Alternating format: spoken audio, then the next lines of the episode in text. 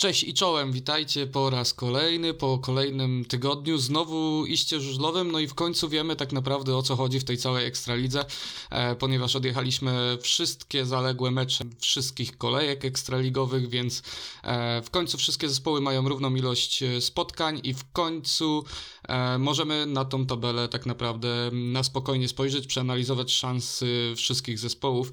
E, ze mną jest oczywiście, jak zwykle, Wiktor, witam Ciebie. Cześć, witam Cię Damianie, witam wszystkich, którzy nas słuchają i już na samym wstępie muszę się z Tobą nie zgodzić. Mm, Z czym? Dopiero, dopiero wprowadzenie, a ja już yy, tutaj mówię liberum veto, nie zgadzam się z tym, że my, że my to wszystko wiemy, bo my nic dalej nie wiemy. Po No, tych no- wynikach, które były w tej kolejce, ja jestem dalej głupi, dalej nie rozumiem żużla, dalej nic nie wiem. Powiem ci, że czym dalej w las, tym gorzej, można powiedzieć, bo, bo wiadomo coraz mniej. Jedyna rzecz, która się sprowadza do takiej jasności, to jest jakby kształtowanie się tej tabeli na wzór tego, co było prognozowane przed sezonem. To jest jedyna rzecz, która jakby jest w miarę logiczna, ale wszystko pozostałe jest kompletnie niepoukładane i jest takim jednym wielkim wynikowym chaosem. No tak, no ale w każdym chaosie jest y, reguła, w każdym chaosie jest metoda. E, W tym, nie wiem, być może niedługo, niedługo będziemy wiedzieć więcej, e, nieco, no ale sytuacje już skomplikowały w pewnym sensie, chociaż nie można powiedzieć, że to była jakakolwiek niespodzianka, ale już skomplikowana została przez mecz właśnie pierwszy, piątkowy, e, odbyty 21 maja o godzinie 18.00 w Lublinie. No tutaj bez niespodzianki oczywiście, Lublin wygrywa z Apatorem Toruń, e, no ale to właśnie skomplikowało jeszcze bardziej, jakby mm, zbliżyło wszystkie zespoły w pierwszej czwórce, o ile nie powiedzieć piątce. Em, Nie wiem, tutaj z twojej strony jakieś, jakieś jakiekolwiek zaskoczenie było? E, Wiesz co, dla mnie generalnie te mecze piątkowe to były raczej takie zgodnie z przewidywaniami, chyba nawet podobnie typowaliśmy te wyniki mniej więcej, tam chyba Leszno z Grudziądzem stawialiśmy, że będzie troszeczkę bliższy remisu ten wynik, chociaż on przez dłuższy czas się faktycznie tam bliższy remisu utrzymywał, ale generalnie w tych dwóch meczach nie było niespodzianek, zdecydowane większe niespodzianki były w rundzie czwartej, tak więc e, do której zaraz dojdziemy, zaczynamy chronologicznie, czyli właśnie porozmawiajmy sobie właśnie o tym, na początek o tym meczu, e, który miał miejsce w Lublinie, No ty obstawiałeś 52-38 w tym meczu, więc dużo się nie pomyliło. Czyli wtedy się dużo nie pomyliłem, a ty stawiam, że bardzo podobną liczbę punktów tutaj. No ja tam przewidywałeś. 5, 54-36 obstawiłem, żeby. No, no byłem pewien, że, że jakby e, Lublin się, się troszkę bardziej postawi e, w tym meczu. Znowu, znowu Krzysiu Boczkowski, jakby myślałem, że na Toruniu zrobi więcej, okazało się, że nie. Em, ale cała reszta jakby pojechała zgodnie z planem, zdecydowanie może Dominik Kubera, no 3 punkty w czterech biegach, to też, też troszkę mało można powiedzieć, jak na Dominika dalej się odnajduje w tych nowych barwach. No juniorzy, juniorzy, jeszcze raz juniorzy, jeżeli chodzi o Lublin, tu, tu jest pewna stała, jak można powiedzieć. Powiem ci w ten sposób. Jeśli chodzi o Dominika Kuberę, to mam wrażenie, że wyszedł jemu tak naprawdę ten pierwszy mecz, a później tej formy tak naprawdę nie, nie za bardzo nie widać. No może troszeczkę wyolbrzymiam ten, ten problem, no ale jednak yy, wydaje mi się, że troszeczkę więcej oczekiwaliśmy po tym zawodniku niż trzy punkty u siebie. Yy, W zeszłej kolejce, tej poprzedniej, która była jechana e, tydzień temu, też tam Dominik jakoś rewelacyjnie, z tego co pamiętam, nie punktował. Jeśli chodzi o Krzysia Buczkowskiego, on tutaj też trzeba powiedzieć że troszeczkę nie miał szczęścia w tym, w tym meczu, troszeczkę gdzieś yy, ten fart yy, nie był po jego stronie. No a z drugiej strony też trzeba pamiętać, że wcześniejszy mecz jechał na swoich śmieciach w Grudziądzu, więc tam siłą rzeczy miał jakiś handicap yy, i jakieś pole manewru do wykrzesania z siebie jeszcze większych pokładów możliwości. Ale trzeba też powiedzieć sobie jasno, że w końcu tutaj, yy, poza juniorami, o których wspomniałeś, były, byli widoczni tacy prawdziwi liderzy. Nie było takiego bardzo spłaszczonego wyniku pomiędzy wszystkich zawodników, tylko y, byli tacy najbardziej wyraziści Grigori Łaguta i Mikkel Mikkelsen. To jest coś, czego wydaje mi się bardzo brakowało w motorze Lublin. Tak, to prawda. Mikkel Mikkelsen w końcu, bo Grisha Łaguta jakby już e, od jakiegoś czasu e, pokazywał, że, że, mm, e, że do tego poziomu jak najbardziej dobija, jest liderem z prawdziwego zdarzenia. Mikkelsen mm, w końcu dobił, do tego dobił w wyśmienitej formie, można powiedzieć, bo 14 punktów. Tak, Jarek Hampel dokłada swoje 8 plus 1, do tego juniorzy właśnie robią razem 11 plus 3. E, to wszystko, jak, tak jak mówisz, właśnie brakowało tych takich dwóch liderów, którzy niezależnie od, od wszystkich wydarzeń, które są dookoła meczu, przywożą e, te trójki i tu reszta dołoży te punkty, tylko, tylko żeby ty, tych e, dwóch liderów tak naprawdę było, było stale. Ja tu jeszcze chcę powiedzieć jedną taką ważną zależność, o której trzeba e, wspomnieć, czyli w końcu Grisha Łaguta uporał się z problemem, jakim było wykluczenia i taśmy na jego koncie. Dzisiaj tego, znaczy dzisiaj, w piątek tego nie było, w związku z czym w końcu ten wynik jest naprawdę na bardzo wysokim poziomie, y, a, a przeskakując na drugą stronę barykady, czyli na stronę Apatora Toru, no również Adrian Midziński w końcu doszedł do takiego momentu, kiedy nie notuje wykluczenia i upadku, także to jest, można powiedzieć, przełomowy mecz dla, tej dla tej dwójki. I tutaj już tak powiem Ci nawet bez żartów y, to mówię z tym Adrianem, bo zarówno Adrian, jak i Grigori mieli co mecz z tym problem. Y, No i w końcu jakby mogli pełnym wymiarze pokazać swoje możliwości. No zwróćmy uwagę, że Adrian Miedziński do tego stopnia wzbudził zaufanie u Tomasza Bajerskiego, że został desygnowany jeszcze do mm, biegu Biegów nominowanego. Nominowanych, tak jest. Więc chociaż z drugiej strony, jak spojrzymy w program, no to był Jack Holder, był Paweł Przedpełski, był Robert Lambert, no i kto czwarty? No kogoś No, czwartego no trzeba było tylko, no, no przecież nie Chris Holder. Mm, który niestety. z mojej strony po raz drugi z rzędu dętką kolejki. No znowu się, no akurat tutaj to żadne zdziwienie, że się nawet y, nie różnimy tym, tą opinią, bo Chris Holder niestety po raz kolejny zawodzi totalnie, zawodzi na całej linii. Em, no, ma Apator problem. Jeżeli, jeżeli jeden z braci, starszy z braci Holderów e, będzie jeździł na tym, na tym poziomie, no to, to tutaj nikt nie będzie w stanie załatać tej dziury, bo umówmy się szczerze, niestety, ale e, Krzysztof Lewandowski jeszcze nie jest na tym etapie, choć e, wszelkie sygnały są ku temu, żeby, żeby w pewnym em, etapie swojej kariery był, ale jeszcze nie jest. E, tutaj Kamil Marciniec się pojawił, widać, Którego, że... którego powiedzmy sobie szczerze, wywróżyliśmy w zeszłym tygodniu, bo, Tak. mówi, bo w- właśnie o tym, że y, być może to jest moment, kiedy Karol Żupiński w końcu faktycznie zostanie zmieniony przez y, innego z juniorów, w tym tam właśnie sugerowałem Kamila Marcinca i faktycznie miało to miejsce. No i dobrze, niech też chłopak ma swoją szansę, skoro Karolowi nie, nie wychodziło, no to może jest y, to dobry moment, żeby też i on mógł się zaprezentować kibicom. No wiadomo, w bardzo trudnym meczu było na, wyja- na wyjeździe przeciwko Motorowi, gdzie juniorzy są bardzo mocni, to nie był najlepszy moment na debiut, no ale punkcik jakiś udało mu się zdobyć, tak więc... Nawet z y, bonusem. Nawet z bonusem, także chwała, chwała jemu za to. No ty wywróżyłeś tutaj głównie Kamila, pamiętam, że, że, że to był twój pomysł. No i też jakby nie patrzeć na punkt zdobyty na seniorze, więc to też jakby na plus dla tego chłopaka, na pewno troszeczkę ten punkt powinien go zbudować i miejmy nadzieję, że na przyszłość będzie to takim pozytywnym impulsem. Troszeczkę chyba poniżej mi się wydaje oczekiwań Jack Holder, bo wydaje mi się, że oczekiwalibyśmy Mhm. od niego troszeczkę więcej, większej liczby punktów niż 8. No a Robert Lambert no znowu wraca na te tory po takim średnim meczu w zeszłym tygodniu. Teraz znowu na bardzo, bardzo wysokim poziomie 14 punktów. Trzy trójki w meczu wyjazdowym na, na torze w Lu- lubelskim to naprawdę super wynik. Pawełek Szydpełski też myślę, że solidnie, no zobaczmy, że praktycznie w każdym biegu oprócz tego ostatniego y, punktował na seniorach rywali, a jeszcze też warto zauważyć, że on ten ostatni start miał na Grigori Łagutę i Mikela Mikkelsena, więc tam jakby no Mhm. siłą rzeczy miał prawo y, nie punktować, więc myślę, że tutaj są jakieś tam drobne takie plusiki przy, po stronie Torunia, no ale mimo wszystko no mają o czym myśleć, szczególnie jeśli chodzi o Chrisa Holdera. Tak, tak. I jeżeli Chris się nie poprawi, no to walka o utrzymanie na pewno się skomplikuje, tym bardziej z, z obecną sytuacją e, w lidze, w tabeli ligowej. E, tak, jeżeli chodzi o Roberta Lamberta, to, e, to zdecydowanie jest liderem z prawdziwego zdarzenia. E, myślę, że tutaj naszego gościa poprzedniego, Maćka, spora w tym robota, co? Tak, serdecznie go oczywiście z tego miejsca pozdrawiamy. Pozdrawiamy jak I najbardziej. życzymy jak najwięcej takich wyników, jak, jak ten dzisiejszy. Jak najbardziej, tak. E, No i Paweł Przedpełski, on mi się podoba w tym sezonie w tym kontekście, że w każdym meczu dorzuca tyle punktów, ile przed sezonem myślę, że od niego oczekiwano. Więc jakby jeśli, jeśli chcemy upatrywać jakiejś e, mm, no jakiegoś powodu z zaniżonej formy Apatora w tym sezonie, to na pewno nie będzie e, tym powodem Paweł Przedpełski. E, no ale na Lubin zdecydowanie zabrakło i no tego się spodziewaliśmy zdecydowanie, więc, więc jakby nie wiem co dodatkowo o tym meczu powiedzieć, poza tym, że e, dodatkowo dołożył właśnie m, punktów Lublinowi, który jest aktualnie e, liderem PG Ekstraligi, ale tylko z jednym punktem przewagi, więc e, sytuacja jest e, napięta jak nie powiem co.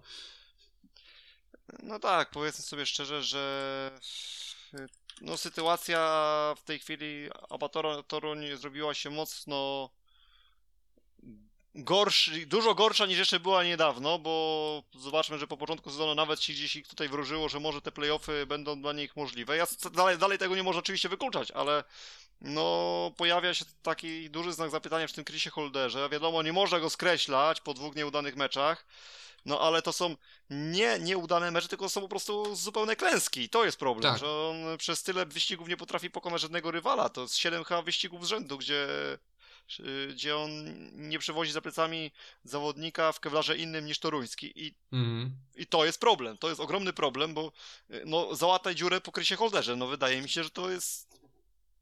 No nie, nie ma kim tak naprawdę w tym No nie ma kim. W, to, w Toruniu absolutnie nie ma kim. Jeszcze gdyby był dostępny Paweł Miesiąc na, na rynku transferowym, to być może, ale, ale w tym momencie absolutnie nie ma kim. E, więc y, no fakt faktem Apator ma ten, ten jakby komfort, można powiedzieć, że w dalszym ciągu ma jeden mecz wygrany więcej niż na przykład Zielona Góra, ma jeden punkt więcej niż Grudziądz, więc y, tutaj można gdzieś tam upatrywać y, gdzieś tam jakiejś szansy. E, Ale jeżeli, jeżeli ta sytuacja się nie poprawi, sam, sam holder się nie poprawi, starszy holder, e, no to te mecze właśnie z Grudziądzem, te mecze z Zieloną Górą mogą bardzo mocno napsuć tutaj krwi em, Torunianom i, i na pewno Chris musi się poprawić. Em, No cóż, no to tyle z mojej strony, jeżeli chodzi o, o ten mecz. I w drugim meczu, czwarty, piątej, przepraszam, piątej, zaległej piątej kolejki też nie było niespodzianki, można powiedzieć. A Nawet się pochwalę, że, że trafiłem e, z wynikiem idealnie, bo ten wynik obstawiałem. Ty obstawiałeś e, 41, 42-48 chyba. 41 40, 49, więc. A no te, to też nie jest jakaś tam ogromna pomyłka, czyli tutaj można powiedzieć, że trafialiśmy, jak zaraz się przekonamy, tak dobrze nam nie poszło w czwartej kolejce, ale, ale na razie pomówmy o tym, co nam wychodziło. E, Wychodziło nam to, że w sumie no, wynik końcowy się zgadza, ale przebieg tego spotkania wcale nie wskazywał na to, że ten wynik musi być aż taki, aż taki mocno rozbieżny w stosunku do, do remisu, tak? No bo to jest aż 12 punktów y, różnicy, a przez długi, y, przez- prawie no, zdecydowaną większość spotkania był remis albo 4 punkty różnicy. Dopiero tak naprawdę w biegach dwóch no, ostatnich nominowanych było 5-1 dla Leszczynian i tam tak naprawdę przypieczętowali to swoje zwycięstwo. I tak się zastanawiam, czy troszeczkę nie zaskoczył cię w tym meczu Jason Doyle, który 13 plus 1 zrobił na torze w Grudziądzu. Znaczy zaskoczył, jeżeli mówimy o takim nazwisku, no to jakiegoś wielkiego zaskoczenia oczywiście nie ma, ale mm, no Jason na przykład później we Wrocławiu, pomimo zdobytych punktów, e, dwa dni później tak naprawdę, już, już y, nie robił takiego wrażenia jak w Grudziądzu, więc e, na pewno im plus y, zmiana, tym bardziej, że wcześniej, we wcześniejszych meczach nawet w Lesznie miewał problemy. E, tutaj no, no też lider prawdziwy, można śmiało powiedzieć, że prawdziwy lider w tym meczu w Ogołuni Leszno. E, No to Leszno zdobyło jakiś patent chyba w tym sezonie na, na te ostatnie biegi nominowane, przynajmniej przez, przez ostatni czas, e, bo we Wrocławiu podobna sytuacja mm, e, była. Tak, mecz na styku, jakby ostateczny wynik nie pokazuje skali mm, wyrównania tego spotkania, śmiało można powiedzieć. No i tutaj Kenneth Bier też y, myślę, że, że jest pozytywną niespodzianką. E, Nie wiem, czy, czy dalej możemy o nim mówić jako o niespodziance, bo to już jest trzeci mecz w jego wykonaniu, w którym jeździ na, na, na, na takim poziomie. E, Drugi Duńczyk też, Niki Petersen też dwucyfrówka, Em, więc y, obyło się bez niespodzianek, jak mam być szczery. I po jednej, i po drugiej stronie, jeżeli chodzi o punkty. E, Powiedz mi, Kenneth Bier to jest na pewno trzeci czy drugi mecz w takim, takim poziomie? Ha, drugi. Mm, był z Lublinem i teraz, y, i teraz z Lesznem. Mm, nie pamiętam właśnie teraz Tak dokładnie. się, wydaje mi się, że tylko te dwa mecze miał takie na Mhm. właśnie takim poziomie. Wcześniej mu nie szło. E, Ale to tam powiedzmy szczegół. E, Chcę też jednak jeszcze jedną e, rzecz, na jedną rzecz zwrócić uwagę. O, to, o czym mówiliśmy jeszcze w zeszłym tygodniu, czyli po stronie Leszczynian Piotr Pawlicki zdobywający 11 punktów, robiący 3 indywidualne zwycięstwa. To jest myślę też taki ważny punkt, szczególnie, że no nie wiem, czy te jego biegi należały do jakichś najłatwiejszych, bo tak naprawdę pojedynkował się, można powiedzieć, z, ze wszystkimi y, praktycznie z rywali i to, i to moim zdaniem ten wynik Piotra Pawlickiego to jest taki klucz do sukcesu właśnie Unii Lesz. To co mówiliśmy, że jeśli Piotr Pawlicki nie będzie punktował na jakimś tam takim mm, poziomie zbliżonym do dwucyfrówki, to Unia Leszno może mieć problem ze względu na to, że nie mają jakichś tam mocnych juniorów. No a tutaj Piotr Mhm. Pawlicki pojechał na swoim poziomie i mimo tego, że zobacz, Jamon Litsi tym razem troszeczkę słabiej się zaprezentował, to i tak y, mamy okazałe zwycięstwo ekipy z Wielkopolski. Tak, no właśnie mówiłem o tych niespodziankach i ewentualną niespodzianką na pewno in minus byłby Jamon Leeds i w ogóle w tym sezonie e, myślę, że, że nie jest na tej samej, na tym samym poziomie co, co w, w stosunku do, do zeszłego sezonu, jakby obniżył troszkę loty, takie, taka jest moja opinia, nie wiem, nie, nie sprawdzałem dokładnie statystyk, ale e, bardziej tak, tak wizual, wizualnie, odczuwalnie. Ale zgadzam się z tobą, mhm. bo on raczej ma takie wyskoki, nie ma takiej stabilnej, wysokiej formy, prawda? Tak, tak, a w tamtym sezonie jakby mm, pamiętam, że też się cieszyłem, że, że mam go w tym menedżerze swoim, e, w swojej ekipie, bo, bo, bo naprawdę przywoził stale, był takim stałym właśnie gwarantem punktów. Nie mówię, że to były jakieś punkty olbrzymie, chociaż zdarzały się takie mecze, ale, ale sta, stały to był gwarant. E, tutaj w tym sezonie to zawodzi i, i no tak, i ten Piotrek Pawlicki, który właśnie zdobywa takich 11 punktów, te trzy trójki, e, to widać, że, że w pełni pokrywa właśnie taką dziurę, jaką mógłby być e, Jamon Litzy lub jakikolwiek inny zawodnik. E, I to jest to Leszno, które nas właśnie do tego przyzwyczajało, że mm, jeżeli ktoś pojedzie troszkę gorszy mecz, to na pewno pojawią się inni, którzy, e, którzy, ten, którzy, którzy tą dziurę załatają. Kacper Pludra też fajnie, że ta trójka się pojawiła z jego strony. No szczególnie, że Zieliński i Bartkowiak na swoim torze potrafili do tej pory ładnie w tych wyścigach młodzieżowych, nie tylko młodzieżowych sobie radzić. A też chcę tu jeszcze jedną rz- rzecz y, ciebie zapytać, o jedną rzecz ciebie zapytać. Y, Co myślisz o sytuacji na linii Roman Lagbaum, Norbert Krakowiak? Czy Norbert znów wywalczył sobie to miejsce w pierwszym składzie po tym, jak Lagbaum przegrał y, na swoim torze z Krzysztofem Sadurskim, a Krakowiak wygrał z Jamonem Litsi? Wiesz co, mm, też Lagbaum zdobył dwójkę w swoim pierwszym biegu, więc y, no to też, ale, ale tak, ten, ta przegrana z Krzysztofem Sadurskim to myślę, że był taki... Tylko chcę przypomnieć, że to była dwójka na Kasprze Pludrze, prawda? Więc też na juniorze. Więc, No tak. Więc raz, raz wygrał, raz przegrał z juniorem, na Norbert jednak pokonał, pokonał seniora rywali. To myślę, że jest takim. No i zobacz, że no, po tym zerze jeszcze, jeszcze dano mu szansę.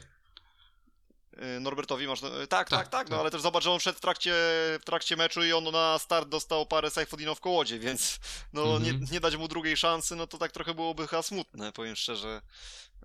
Gdyby został zmieniony, wiadomo, że gdyby wynik inaczej się układał, że można byłoby za Norberta gdzieś tam rezerwę taktyczną zastosować, to pewnie tam litości by nie było, no ale w sytuacji, kiedy jest taki wynik, no to myślę, że zasłużył sobie na drugą szansę i myślę, że całkiem, całkiem dobrze ją wykorzystał, zrobił swoje, no zdobył punkt na seniorze przy, przyjezdnych, no ja bym tutaj nie miał większych oczekiwań niż, to, ni- niż właśnie takie coś, żeby y, mój zawodnik U24 robił, szczególnie Tak. jeśli nie mówimy o, o takich zawodnikach jak y, Litsi czy, czy Lambert, no to jeśli mówimy o zawodniku takim jak jest Norbert Krakowiak, to wystarczy, że on robi y, punkty na Juniorach na i rywala U24. i U24 rywala i to Mhm. wystarcza, moim Mhm. zdaniem. Też bardzo dalej nerwowe ruchy Janusza Ślącz, Ślączki. E, cały czas jakby nie ma, nie ma sytuacji, w której ktoś e, od początku meczu startuje i jedzie do końca. Cały czas są jakieś zmiany i dalej nie wiem, czy to jest dobry pomysł, szczerze mówiąc. No widzisz, cały czas mamy dwie filozofie w żużlu. Jedna filozofia mówi o tym, żeby był jeden stabilny skład, który daje komfort psychiczny zawodnikom i że nie będą zbyt szybko odstawieni od jazdy, a druga filozofia, której to, to już można teraz tr- trąbić i trąbić w kółko o tym samym, ale no druga oczywiście jest taka, że potrzebna jest rywalizacja e, o skład, bo to napędza dodatkowo. Wydaje mi się, że trzeba przede wszystkim tą swoją strategię dopasować do tego, jakich się ma zawodników, co oni preferują. Mhm. Jeśli, jeśli mamy zawodników, którzy się nie obrażają, nie dołują e, po jakimś odstawieniu od składu, to wówczas myślę, że tą rywalizację można faktycznie wprowadzać. Nie wiem, jakie są relacje tutaj z Norbertem Krakowiakiem i Romanem Lagbałem. O ile wiem, Norbert no akurat jest takim, wydaje mi się, mentalnie poukładanym zawodnikiem. Nie wiem, jaki zawodnikiem jest Roman Lagbaum. E, No ale wydaje mi się, że jeden i drugi mimo wszystko no, na pewno mocno przeżywają sytuację, kiedy, kiedy albo nie są w pierwszym składzie, albo są po dwóch biegach odstawiani, Mhm. albo nie, nawet się zdarzało, że i po jednym chyba Roman Lagbaum gdzieś tam z, z, z, musiał odpuszczać swoje miejsce w składzie. No nie jest to, podejrzewam, zbyt komfortowa sytuacja. Yy, A teraz porozmawiamy sobie też o innych, bo Przemek Pawlicki pierwsza połowa zawodów na bardzo przyzwoitym poziomie był jednym z trójki liderów właśnie GKM-u i to powodowało, że ten mecz był na... Był na styku. Na styku, tak? A później Mhm. 2-0 się wpa- wpadły w jego, w jego części programu. No wiadomo, że też inni troszeczkę gorzej popunktowali w drugiej części zawodów, no ale myślę, że Gdyby Przemek jeszcze gdzieś tam jakąś dwójeczkę, jakąś jedyneczkę by dorzucił yy, pod koniec, no to ten mecz może by się rozstrzygał dopiero w 15 wyścigu.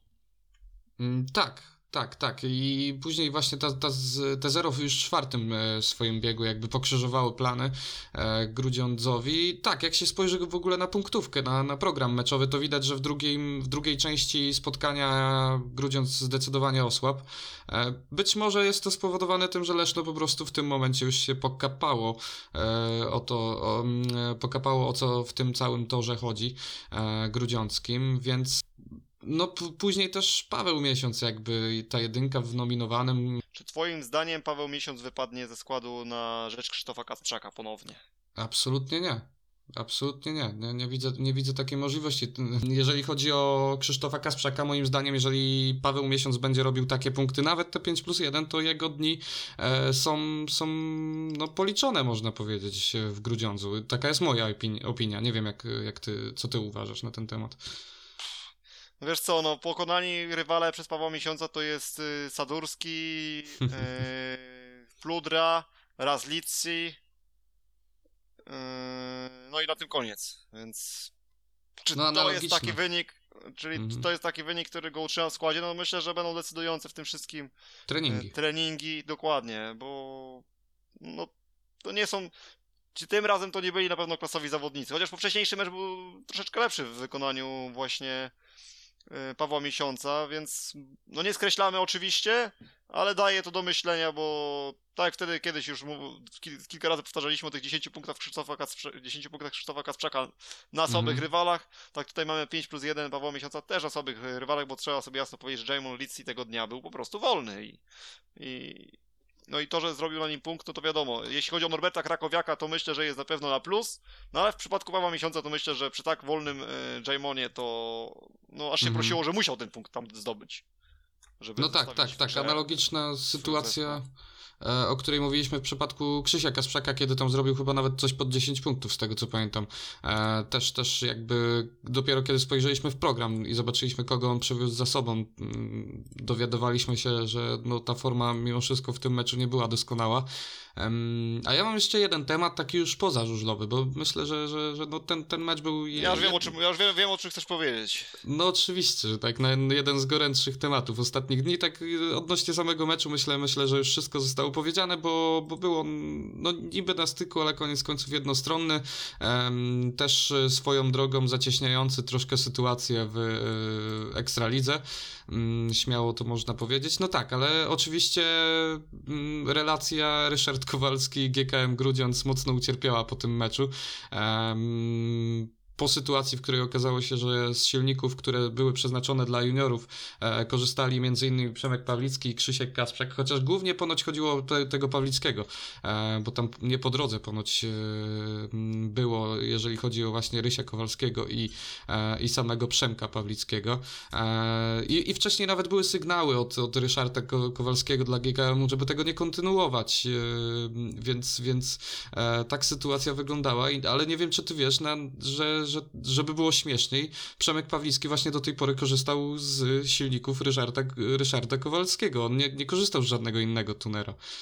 Yy, słuchaj, no powiem ci tak, yy, generalnie sytuacja jest no, niektórzy uważają, że jest złożona. Moim zdaniem ona złożona wcale nie jest. Moim zdaniem ta sytuacja jest dosyć prosta. Jeśli faktycznie była umowa, która mówiła o tym, że mają korzystać z tych silników juniorzy i basta, no to powinni korzystać z tych silników juniorzy i basta. Rozumiem chęć y, współpracy zawodników w klubie, no ale jeśli podpisujesz z kimś jakąś umowę, no to też nie, powinny, nie powinieneś jakoś wielce się dziwić, że ktoś później się yy, o, to, o to denerwuje. Wiadomo, że tam różnego rodzaju przykłady z życia były gdzieś widziałem wyciągane, yy, że no jak, przecież kup, jeśli masz już jakiś produkt, no to jest twój, tak? Masz prawo z nim robić co chcesz. Tak, i, teamwork, Ale z- tak? No dobrze, ale, ale, ale z drugiej strony, no w środku masz jakieś e, tajemnice, tak? Tego danego tunera.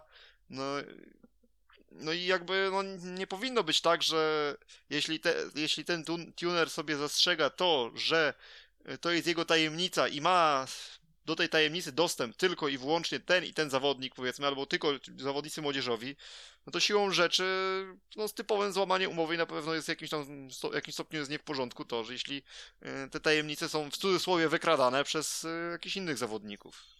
No słuchaj, tu nie do końca o te tajemnice chodzi, bo jakby nikt nie może grzebać. Tam są specjalne plomby w silnikach i tak, tak, tak, może... ja wiem, ja teraz wyszedłem troszeczkę dalej, no ale bo to nie chodzi mi już mi tylko o samo zaglądanie do środka, no ale też, y, s- wiesz, jeśli poczujesz, gdzieś posprawdzasz tę specyfikę działania tych silników, Tak. to też już można sobie teorię tu dorabiać. Ja nie jestem znawcą y, silników, nie jestem znawcą sprzętu żużlowego, ale no domyślam się, że jakieś takie testy na takich y, jednostkach też mogą dawać jakiś obraz y, Mhm. co w tym silniku tak naprawdę piszczy, co, czy, czy one są lepsze, czy są gorsze. No być może, być może właśnie tego Ryszard Kowalski chciał uniknąć i jego team, no to jeśli takie, co, jeśli obie strony podpisały umowę i się na takie warunki zgodziły, no bo przypomnę, że przecież umowa to jest taki dokument, w którym zawsze podpisują się obie strony, no to ja nie widzę powodów, dla którego Ryszard Kowalski miałby nie być zły na, taką, na taki stan rzeczy. No słuchaj, tu głównie chodziło, chodzi o to, tak naprawdę w tym wszystkim, że współpraca klubowa polega na tym, że y, y, Kowalscy, bo to jest team, jakby nie patrzeć, e, Kowalscy mm, gwarantują sam sprzęt juniorom, tylko i wyłącznie juniorom. I jest to spowodowane kilkoma czynnikami, między innymi chęcią wspierania polskiego żużla, młodzieży polskiej, e, żeby, żeby mm, mieli lepszy start po prostu młodzieżowcy. I, i, I taki jest deal. I to jest współpraca teamowa, ale jeżeli już są zawodnicy, ym, zawodowcy, tak zwani, czyli seniorzy, którzy już mają e, kontrakty zawodowe w pełni, no to tutaj już nie ma czegoś takiego jak e, współpraca klubowa, tylko każdy z nich osobno przychodzi i wybiera tunera, m, bardzo często właśnie m, pa, pa, panów e, Kowalskich. I, I tak jak mówisz, jeżeli to był klarowny deal, na zasadzie to są silniki dla juniorów, y, nie ma problemu, my z wami współpracujemy, em, ale z drugiej strony Przemek Pawlicki korzystał z ich silników, gdzie osobno też załatwiał swoje jednostki napędowe, e, no to ja też tutaj nie rozumiem tych, tych jakichś dywagacji, teorii sp- spiskowych, że jedna osoba nagle będzie trzymała za, e, za uzdę cały żużel światowy, no bo taki Dan Bewley na przykład może bez problemu korzystać z, z silników Taja Findena, a właśnie jest to spowodowane tym, że to jest kontrakt zawodowy i Taju Finden po prostu swoje jednostki użycza mm, Danielowi Biulejowi, e, a nie jednostki, które są na lepszych, y, mają lepsze ceny, są na lepszych preferencyjnych warunkach udostępniane juniorom, a później na nich jeżdżą seniorzy. No fajnie, fajnie to tutaj zobrazowałeś. Być może właśnie to ja troszeczkę poszedłem na okrętkę, nie, nie przypomina, nie odświeżając sobie tego yy, pisma, tego wyjaśnienia jeszcze raz, bo razy przeczytałem i szczerze powiedziawszy, no już nie, nie pamiętałem wszystkich tutaj takich y, detali, które tutaj fajnie, fajnie wyciągnąłeś, fajnie wyjaśniłeś. No ale chyba myślę, że generalnie sprowadza się do tego samego zdania, o którym, o którym mówiłem ja przed chwilą i o którym ty, ty mówisz teraz, więc y, myślę, że obaj trzymamy stronę pana Kowalskiego. I Tak. jeszcze jakby, jakby jest jeszcze jedna ważna sprawa. Nikt chyba nie podważył w ogóle tego, co pan Ryszard Kowalski gdzieś tam ze swoją ekipą zaprezentował, czyli że faktycznie takie były warunki umowy. Nikt tego nie zakwestionował, czyli Mhm. faktycznie takie, takie warunki umowy wydaje się, że chyba były. Y, I jakby no GKM Grudziądz tym samym chyba bierze na klatę ten, tę tę pomyłkę, które, której się do, dopuścił, Tak. prawda? Tak, tak, tak mi się też wydaje, że to jest taka cicha, ciche przyznanie się. No tak na koniec tylko ci dodam, bo jakby wszyscy już mówią o wielkiej, wielkiej przerwie we współpracy e, wszystkich grudziąckich zawodników z Ryszardem Kowalskim. Żadne takie słowa nie padły. E, w tym oświadczeniu w ogóle właśnie team Kowalskich mówi o współpracy klubowej, ale tak jak wcześniej właśnie wyjaśniali, współpraca klubowa to są tylko i wyłącznie silniki dla juniorów, więc jakby tutaj seniorzy nie przestaną nagle e, korzystać z, ze silników e, pana Ryszarda Kowalskiego, bo e, klub jakoś inaczej tutaj niezgodnie z umową zadziałał, tylko to będzie zerwanie właśnie tej klubowej współpracy, a nie, nie tej indywidualnej. Dokładnie, a tak jestem jeszcze ciekaw, co powiesz o tym, że jest tak mało tunerów, których gdzieś, z których korzysta, korzystają zawodnicy najlepszej ligi świata, bo ja bym się tutaj doliczył bodajże, ja wiem, pięciu tunerów, Peter może sześciu, Jones. jeszcze doli doliczając jeszcze Grigorio Agutę, no to może sześciu? Mhm. Peter A... Jones, Ashley Holloway, Robert Kowalski, do tego jeszcze swego czasu. E, Ryszard, przepraszam. Swego czasu, ale już chyba nie. Brian Karge był, to pamiętam, ale już chyba nie, nie, nie, nie, nie, nie tworzy. E, ten Marcel Gerhardt z tymi swoimi jednostkami. A, a był. przypadkiem nie było też w którymś momencie też jakieś gadki o Leonie Matsenie w kontekście Briana Kargera? A właśnie nie wiem. Wiem, że y, ponoć Paweł Zmarzlik też y, jakby produkowane są silniki e, przez, przez zmarzlików, ale one są chyba bardziej właśnie jakoś modyfikowane, nie wiem. Ale jeżeli chodzi o tą różnorodność e, samych samych dostarczycieli, czyli, e, czyli tunerów, sprzętu, no jest ona mała, niebezpiecznie mała, bo jeżeli e, jeszcze ta, te grono się pomniejszy o jedną lub dwie osoby, no to już w ogóle będziemy mieli do czynienia niemalże z monopolem e, i, i aż dziwne, że nikt nie wyczuwa w tym jakiegoś biznesu. Czy to jest tak, że, że naprawdę ci tunerzy są jedyni i nikt inny nie jest w stanie zrobić takich jednostek? Nie wiem. Yy, wiesz co, powiem ci też, może brakuje też troszeczkę więcej testów, chociaż nie wydaje mi się, żeby zawodnicy nie testowali, bo przecież nawet y, Patryk Dudek, z tego co pamiętam gdzieś przed którymś sezonem, jakby, jakby była y, z nim prowadzona rozmowa, no to właśnie no, też, też o tym mówił, że jest i Ashley Holloway, jest i Kugelman, także gdzieś tam było, mhm. była rotacja, tak? Kugelmana to teraz ja nie wiem, czy w ogóle ktoś w Ekstralidze korzysta z jego usług, z tego, mhm. z tego tunera. Ja nie wiem, czy on w ogóle dalej w ogóle się tym zajmuje, czy dalej takie usługi oferuje, bo powiedz sobie szczerze, to taki dosyć cichy temat chyba, wydaje mi się, generalnie żużla. Ostatnio troszeczkę się stało, trosz, troszeczkę gorętszy, podejrzewam głównie ze względu na te wspaniałe wyniki też y, Bartosza Zmarzlika właśnie na jednostkach pana Ryszarda Kowalskiego. Ale generalnie o tym się zawsze mówiło stosunkowo niewiele. Nie wiem, czy masz takie wrażenie. No, znaczy zawsze ten temat był w tle, ale, ale faktycznie mm, też my jesteśmy chyba za bardzo na zewnątrz tej całej sytuacji, żeby, e, żeby wiedzieć dokładnie o co chodzi, a to też jest, słuchaj, taka tematyka, o której nie każdy chce mówić, wręcz mało kto chce, chce rozmawiać.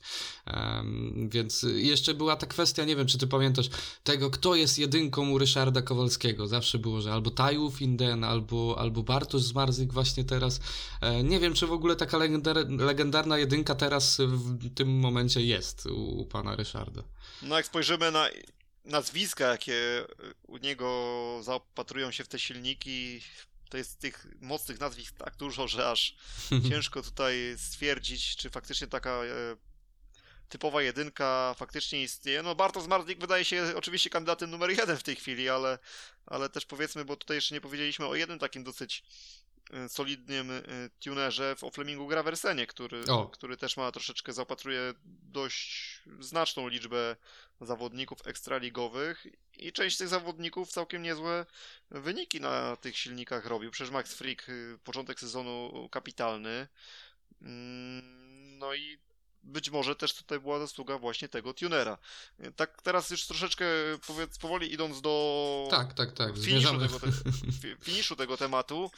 No, czekam cały czas na jakieś nowe nazwisko, które pojawi się, wiesz, tutaj też y, nie wiem, czy widziałeś y, dzisiaj na łamach przeglądu sportowego na stronie, tutaj można było odnaleźć taki, taką fajną rozpiskę, kto z y, którego tunera Widziałem korzysta. Mhm. Bardzo, bardzo myślę fajny podręcznik dla, dla kibiców.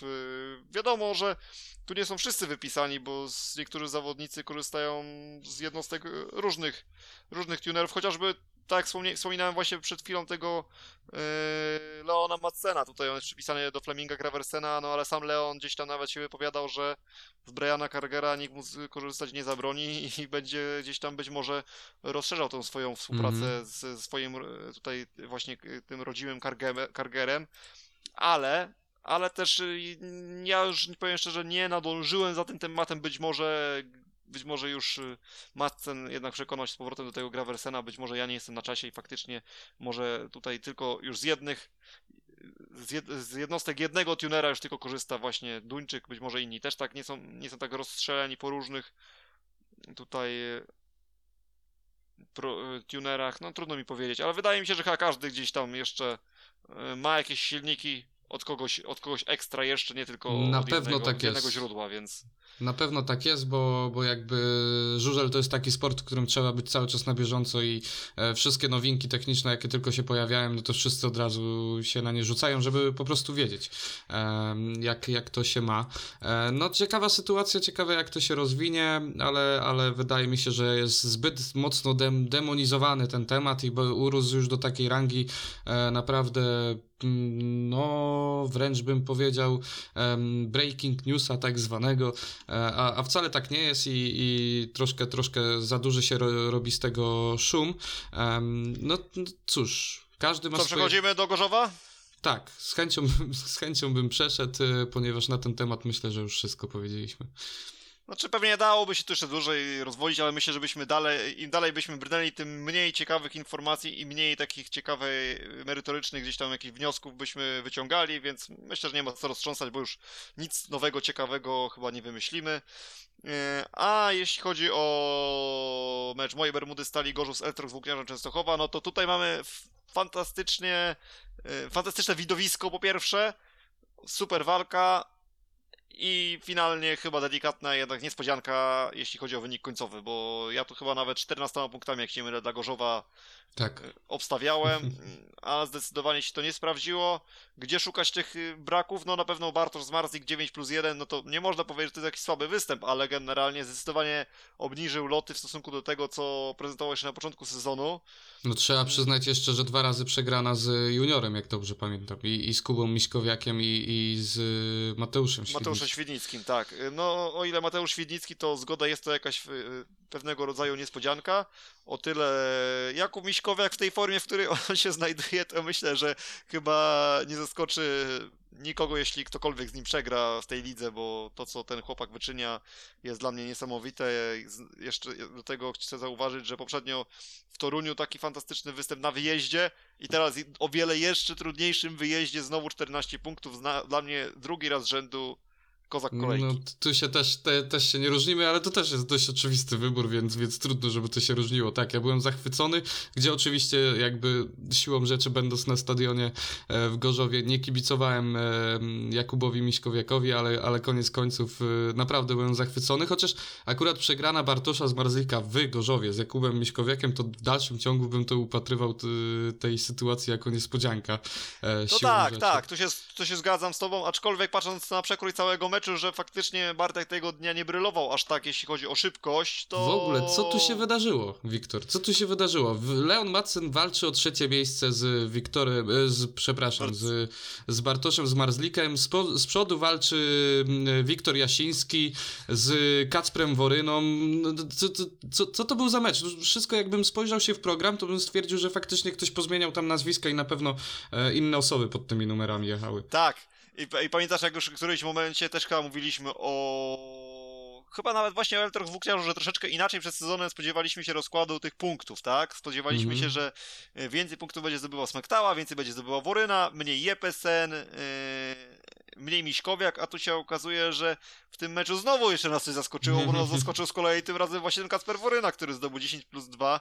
Jakub Miśkowiak no chyba w dalszym ciągu jednak zaskoczył, bo ciężko było się spodziewać, że on w Gorzowie po raz kolejny zdobędzie 14 punktów. Yy, No Świdnicki też 5 plus 1, moim zdaniem też yy, zaskoczenie im plus.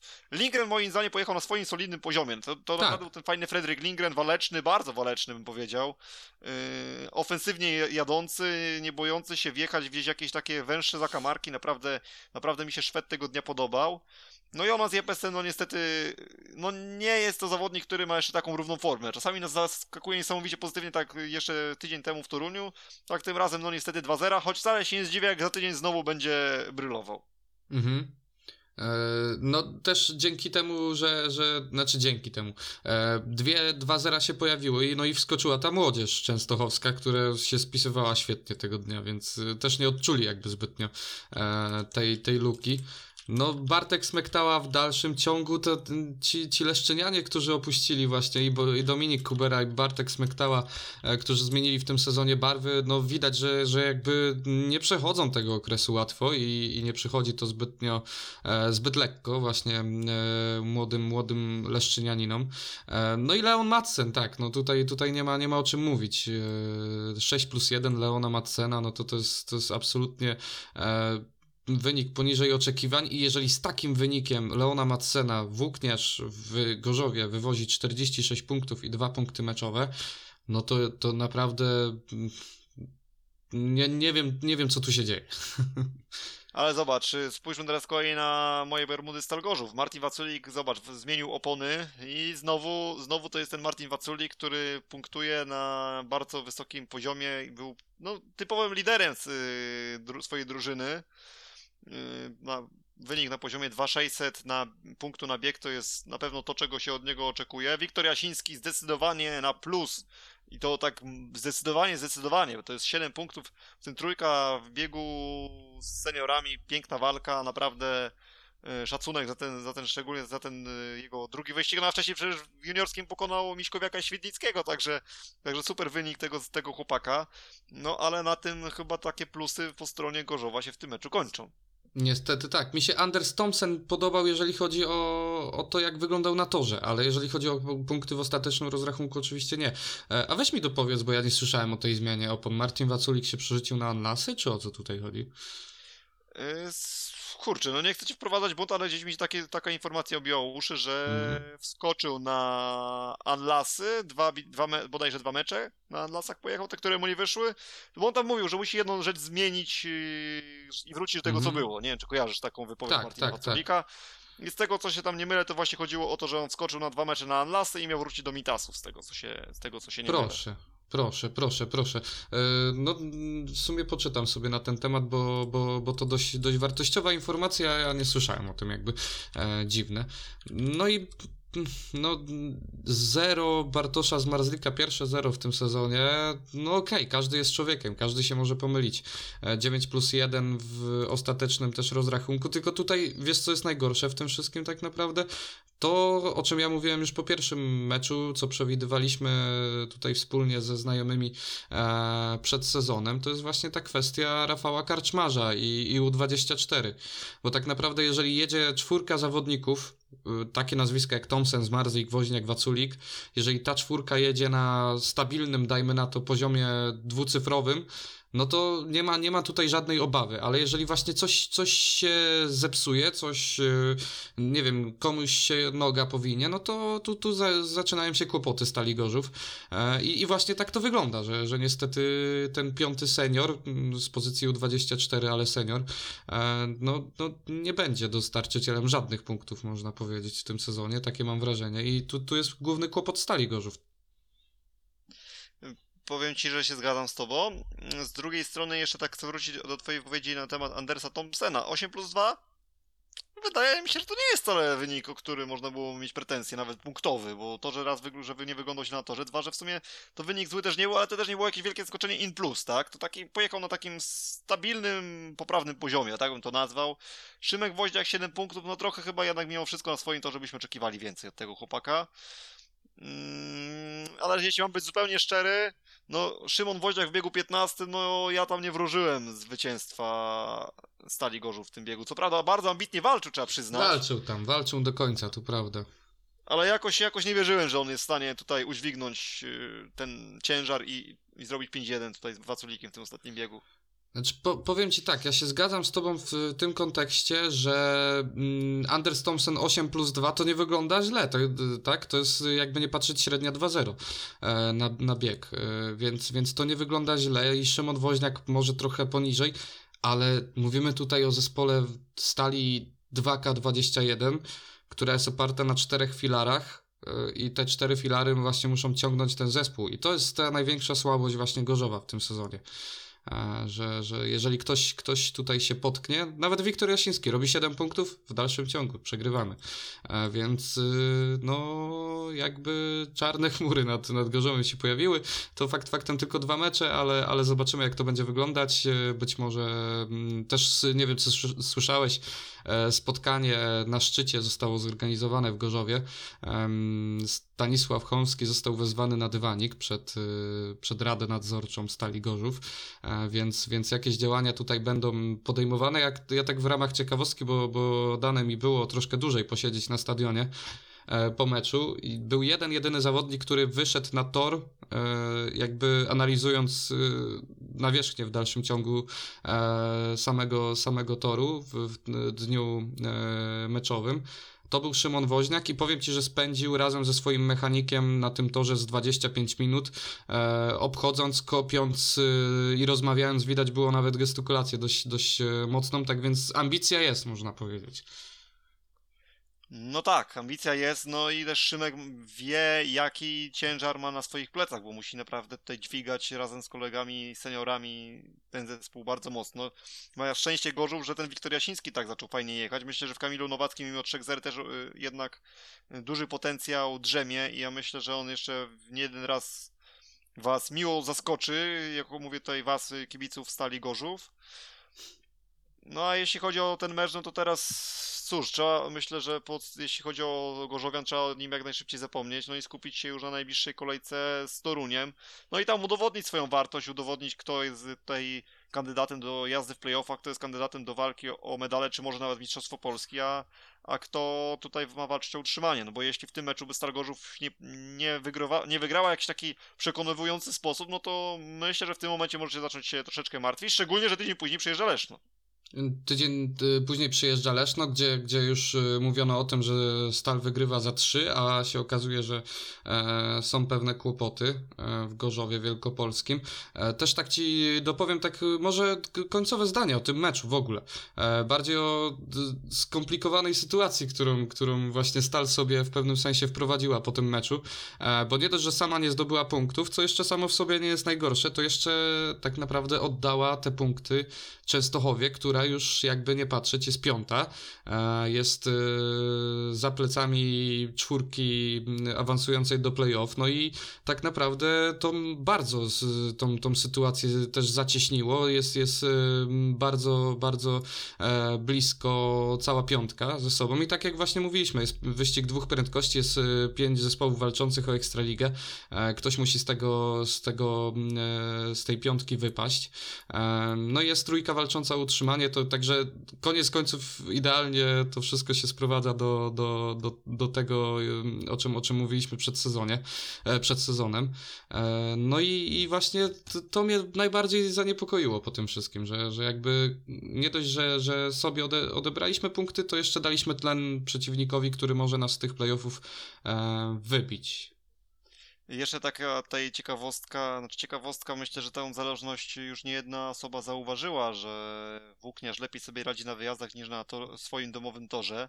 Yy, No i taka była, nie wiem czy oglądałaś magazyn PG Ekstraligi, ten y, prowadzony przez y, stację N-Sport Plus, gdzie mm, była pokazane, był taki pokazany obrazek, kiedy tam w parku maszyn yy, dyskutuje Michał Świącik, tylko że nie pamiętam z kim on dyskutował.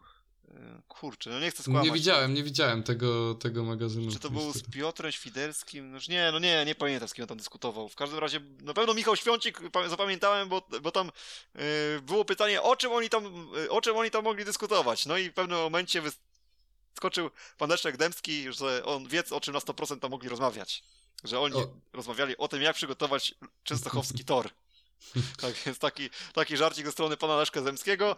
Yy, no, ale myślę, że lepiej, gdyby Michał Świącik za dużo akurat się za te yy, przygotowywanie toru może. Nie, nie, nie, my już podziękujemy, na pewno nie u kogoś. Znaczy nie, mówimy tu o, o Częstochow- mecz, torze w Częstochowie na mecz z Grudziądzem. Tak, tak, tak, rozumiem, tylko że, że jakby. mm, No tak, no w tamtym sezonie już jedna taka sytuacja była, już podziękujemy, już starczy tych przygotowań, jakby mm, powierzmy sytuację sytuację profesjonalistom. Em, no tak, tylko... A, a chyba, Mhm. powiedz mi, chyba tymi profesjonalistami można moim zdaniem nazwać y, tych, którzy przygotowywali tor we Wrocławiu, bo y, widowisko mieliśmy kapitalne.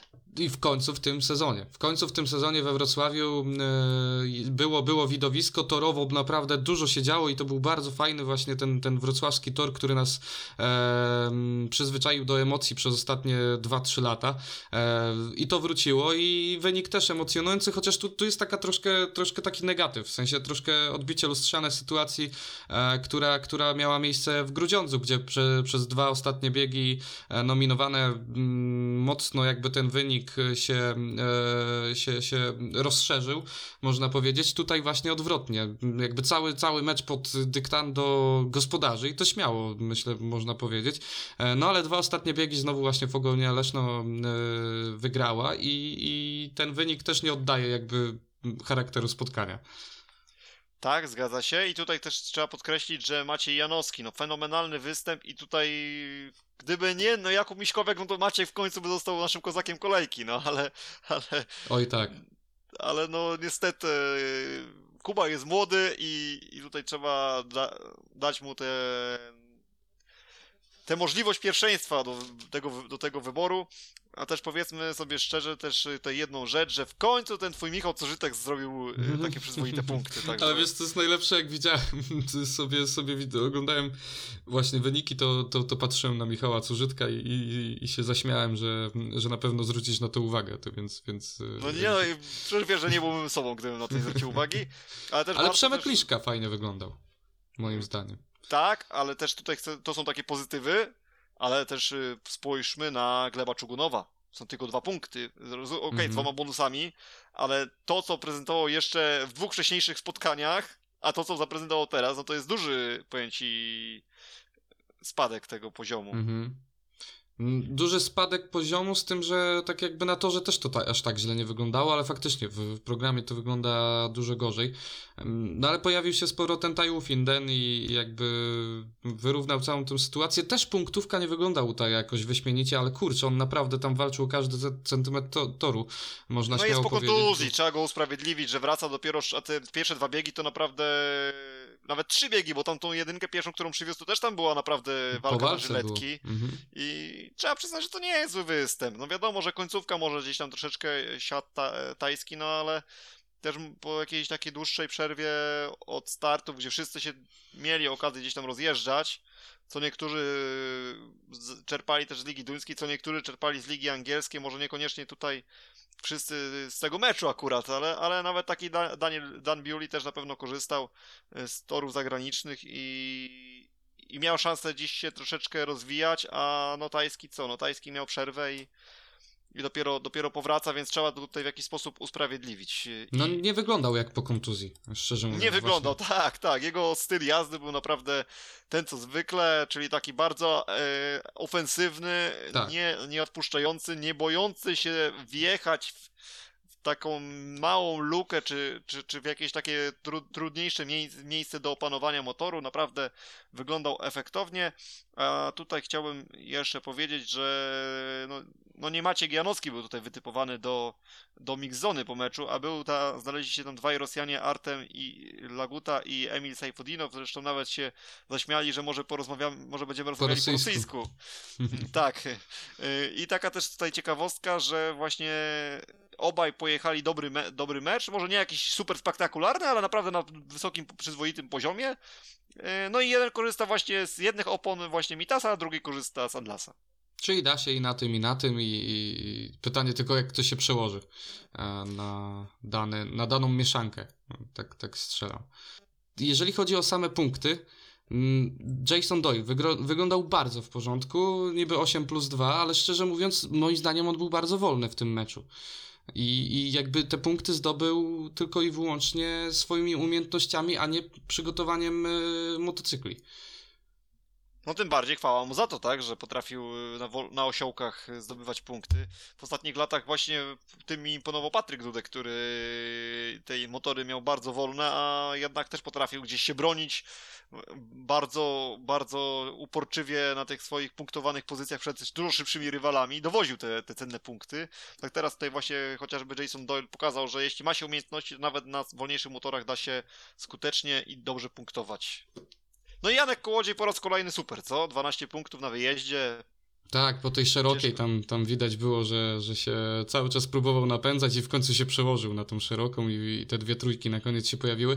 E, też Piotrek Pawlicki też fajnie wyglądał w tym meczu e, z trudniejszym rywalem na wyjeździe, więc e, Jamon Lee Waleczny też... na pewno był. Tak, był, był, był zdecydowanie waleczny, chociaż, no, no tak jak mówisz, gdyby nie to, że Misiek się po raz kolejny pojawił, tym razem w Gorzowie, e, to Ma- Magic Janowski zdecydowanie byłby moim, moim e, kozakiem tygodnia, weekendu, bo nie kolejki niestety, bo, bo to, co, to, co on robił na torze, na, na początku w biegu trzecim te wyprzedzenie e, Petera Pawlickiego, później zdecydowana, kurczę, naprawdę niesamowicie, z niesamowicie dużą przewagą wygrana w biegu szóstym, chociaż tam był start troszkę taki wątpliwy na ostrzeżenie moim zdaniem, ale, e, ale sędzia jakby stwierdził, że, że, że, że to puści. Też inny świat w biegu ósmym z Doylem i Li- Licejem. W trzynastym e, biegu znowu wygrywa z Peterem Pawlickim, tym razem przycinając do wewnętrznej. No bawił się po prostu żużlem w najczystszej, najlepszej możliwej postaci.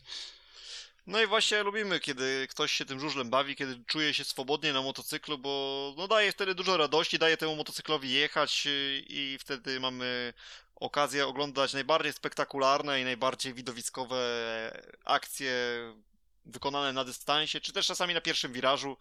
No i, to- no i to właśnie jest to, co w żużlu lubimy chyba najbardziej, prawda?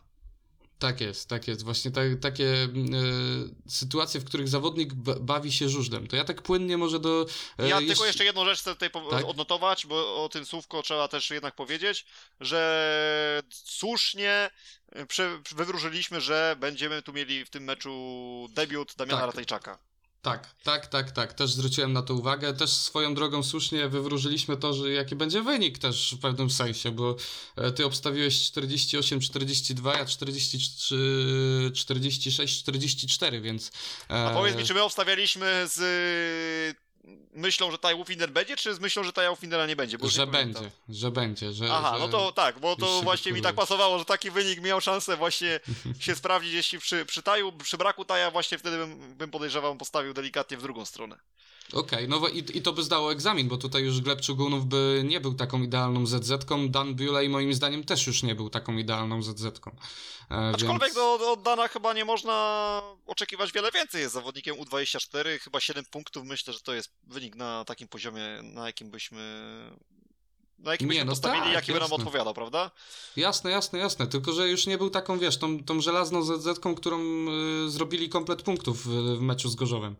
E, o to mi chodzi, że jakby ten Taj wrócił w dobrym momencie dla, dla Sparty. Tak, tak, tak, tu się zgadzam. No, tutaj można powiedzieć, że faktycznie był zbawienna. Jego, jego obecność była zbawienna dla Betar Sparty Wrocław i bez niego być może tego zwycięstwa meczowego by nie było, a tym samym jest i to też daje Betar Sparcie Wrocław drugą pozycję w tabeli, co myślę, że jest bardzo ciekawe. No i też powiedz sobie szczerze, że między pierwszą a czwartą drużyną jest tylko punkcik różnicy. że o tym Jest wspominałeś, że ta że Jest ta jeden właśnie punkt. tabela jest bardzo spłaszczona, ale faktycznie jest wielka walka i faktycznie chyba już powoli to, co już mówiliśmy, piątka taka wydaje się już walcząca o playoffy. No właśnie z tyłu te, te, te lwy, które się czają, gdzieś tam skradają, polują, nie, na te playoffy.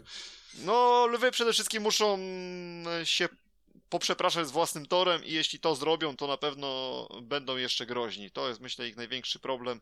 Jeśli z własnym, własną nawierzchnią się zapoznają, tak jak powinni, jeśli oczywiście warunki pogodowe będą pozwalały ten tor przygotowywać na mecze tak jak trzeba, no to myślę, że wtedy będzie dobrze. Chociaż z drugiej strony ja i tak nie kupuję z, do końca tego tłumaczenia właśnie, że warunki pogodowe nie pozwalały, bo przecież można trenować w różnych warunkach, prawda? Można się przygotować na różne warunki i No mieć tak. te ust- ustawienia dobrze dobrane. No, no wiadomo, jest to jakieś wytłumaczenie, ale moim zdaniem nie na tyle, żeby, żeby przegrywać mecze u siebie. Nie w Ekstralidze, w której no, jeździ top topów i, i moim zdaniem trzeba, trzeba odnaleźć się w każdej sytuacji i to wręcz nawet y, potęguje takie, um, taką rywalizację, żeby się odnaleźć, żeby być y, gdzieś tam elastycznym w tym, w tym kontekście, żeby, żeby cały czas y, analizować wszystkie wydarzenia, które się dzieją na torze. E, to samo było z Gorzowem, że niby, niby jakby komisarz toru nie, nie pozwolił na przygotowanie takiego samego toru jak na treningach, ten tor był inny, ale no umówmy się szczerze, no kurczę, mówimy tu o profesjonalistach, zawodowcach y, i no, no, moim zdaniem to nie jest argument na to, żeby, żeby się usprawiedliwiać jakkolwiek, więc, więc też się zgadzam. To co, teraz może przejść, przejdźmy do drugiej części tego naszego dzisiejszego podcastu, czyli czas na naszego gościa. A z nami jest już Sandra Reisner. Witamy Ciebie serdecznie. E, Sandra jest fotoreporterką żużlową z Poznania. Prowadzi lub prowadziła fotorelacje dla Twojego portalu żużlowego, WP Sportowe Fakty, PSG Tu Poznań, Przeglądu Żużlowego, e, też żużelend.com się, e, się pojawił, zgadza się? Tak, tak. E, wiesz co, takie mam najtrudniejsze chyba pytanie dla Ciebie na start, żeby, żeby nie było za łatwo. Ile zrobiłaś zdjęć żużlowych w swoim życiu? Dobre pytanie. Nie umiem nawet określić konkretnie. No ale było ich naprawdę sporo. No myślę, że tutaj śmiało można liczyć w tysiącach chyba, co? Oj tak, to na pewno. A co było pierwsze, żużel czy fotografia w ogóle u ciebie? Żużel. Na Żużel. pewno żużel. Tak. Żużel, czyli najpierw, najpierw pojawiłaś się jako kibic na stadionach, a dopiero później zainteresowałaś się po prostu fotografią. Tak, dokładnie. Witam Cię również serdecznie. Już Damian to uczynił, ale wypada, żebym ja również to zrobił. E, moje pytanie z kolei jest takie, jak, czy Ty od początku twojego, twojego zainteresowania żużlem byłaś osobą związaną e, z żużlem poznańskim, czy jeszcze też może jakimś innym klubem? Nie, no tylko, tylko i wyłącznie Poznań. Dobrze, to muszę teraz tak, tak, takie pytanie tobie zadać. Generalnie od wielu lat jesteś w tym Poznaniu, możesz obserwować dokładnie, co się tam dzieje. Powiedz mi, czy twoim zdaniem to, co się dzieje wokół klubu z Poznania, czy co roku widać taki generalnie delikatny progres w kierunku takim, żeby w przyszłości ten PSG Poznań mógł być takim klubem nie tylko drugoligowym, ale może i pierwszoligowym, takim, taką mocniejszą marką na mapie Polski, bo przecież kiedyś PSG Poznań w pierwszej lidze jeździł. Czy widzisz taką perspektywę, czy teraz e, widać jakiś delikatny może kryzys, bo wyniki nie wskazują na to, żeby PSG miał jeździć gdzieś w wyższych e, klasach rozrywkowych? Znaczy powiem tak, teraz jest kryzys, ale wszystko przez tą pandemię. No bo wiadomo, że teraz jest mniej sponsorów i, i no, no jest ten kryzys, no ale to raczej w większości klubach tak jest. No tak, szczególnie w tych ośrodkach pierwszo-drugoligowych niestety są większe problemy niż, e, niż w ośrodkach ekstraligowych. A powiedz mi, tak wrócę do tej fotografii. Jak rozpoczęła się w ogóle taka przygoda już, już faktyczna, fotograficzna z żużlem? Gdzie miałaś pierwszą akredytację? Jakiś e, pierwszy, pierwszy właśnie mecz żużlowy? O kurka. Dobre pytanie, bo to było już tyle lat temu, że naprawdę nie pamiętam. Coś mi świta, że chyba w Łodzi, jak Mhm. mhm. PSG jechał z Łodzią, ale czy na pewno, to na 100% nie jestem pewna. to teraz ja troszeczkę z innej, innej beczki chcę za- pytanie, pytanie rzucić do ciebie, Sandro, y, bo wiadomo, każdy w trakcie meczu zwraca na inne rzeczy troszeczkę uwagę. Sędzia no, mocno zwraca uwagę na to, czy wszystko odbywa się zgodnie z regulaminem. Dziennikarze, powiedzmy, szukają jakichś takich smaczków w stylu jakiś, czy był kontakt, czy kontaktu nie było, kto na jakiej, powiedzmy, oponie pojechał, czy, poje, czy ktoś popełniał błędy na dystansie, czy nie popełniał. Menedżer jeszcze na inne rzeczy będzie zwracał uwagę. Kibic będzie zwracał uwagę na wynik. A jakie detale najbardziej przykuwają uwagę fotoreportera? Wszystkie, wszystkie detale. No wiadomo, że najlepsze ujęcia, czyli dobrze trzeba się ustawić i zwracać uwagę właśnie, żeby dobrze było widać zawodnika, wszystkie sytuacje, ewentualnie jakieś wypadki, czy, czy właśnie jakąś taśmę. Tak. Czyli takie, takie niuanse po prostu, żeby wychwycić w obiektywie. Tak, dokładnie tak. A powiedz mi, z której perspektywy lepiej się fotografuje? Czy z perspektywy trybuny, gdzieś na jakieś podwyższenia, czy lepiej z płyty, yy, z murawy? Hmm, ciężko mi powiedzieć, bo lubię i z trybun, i z murawy robić zdjęcia, bo zawsze jakieś tam ładne, właśnie ładne ujęcia będą, czy to właśnie z płyty gdzieś tam na kuckach, że tak powiem, czy właśnie trochę na podwyższeniu gdzieś z trybun, także tak pół na pół. A jak to jest, przyjeżdżasz na, na zawody i przykładowo podchodzi do ciebie, jakiś, zdarza się takie coś, że podchodzi do ciebie jakiś zawodnik i na przykład mówi Sandra, słuchaj, potrzebuję takie i takie zdjęcie, e, no nie wiem, przykładowo jak się, swoją, żeby zobaczyć swoją sylwetkę na motorze, mają czasami zawodnicy o, w stosunku do ciebie takie życzenia, jakieś konkretne? Przed zawodami nie, raczej nie. Bardziej po zawodach, ale to piszą już o same ogólne zdjęcia, czy, że, czy w ogóle gdzieś tam mam jakieś zdjęcie danego zawodnika.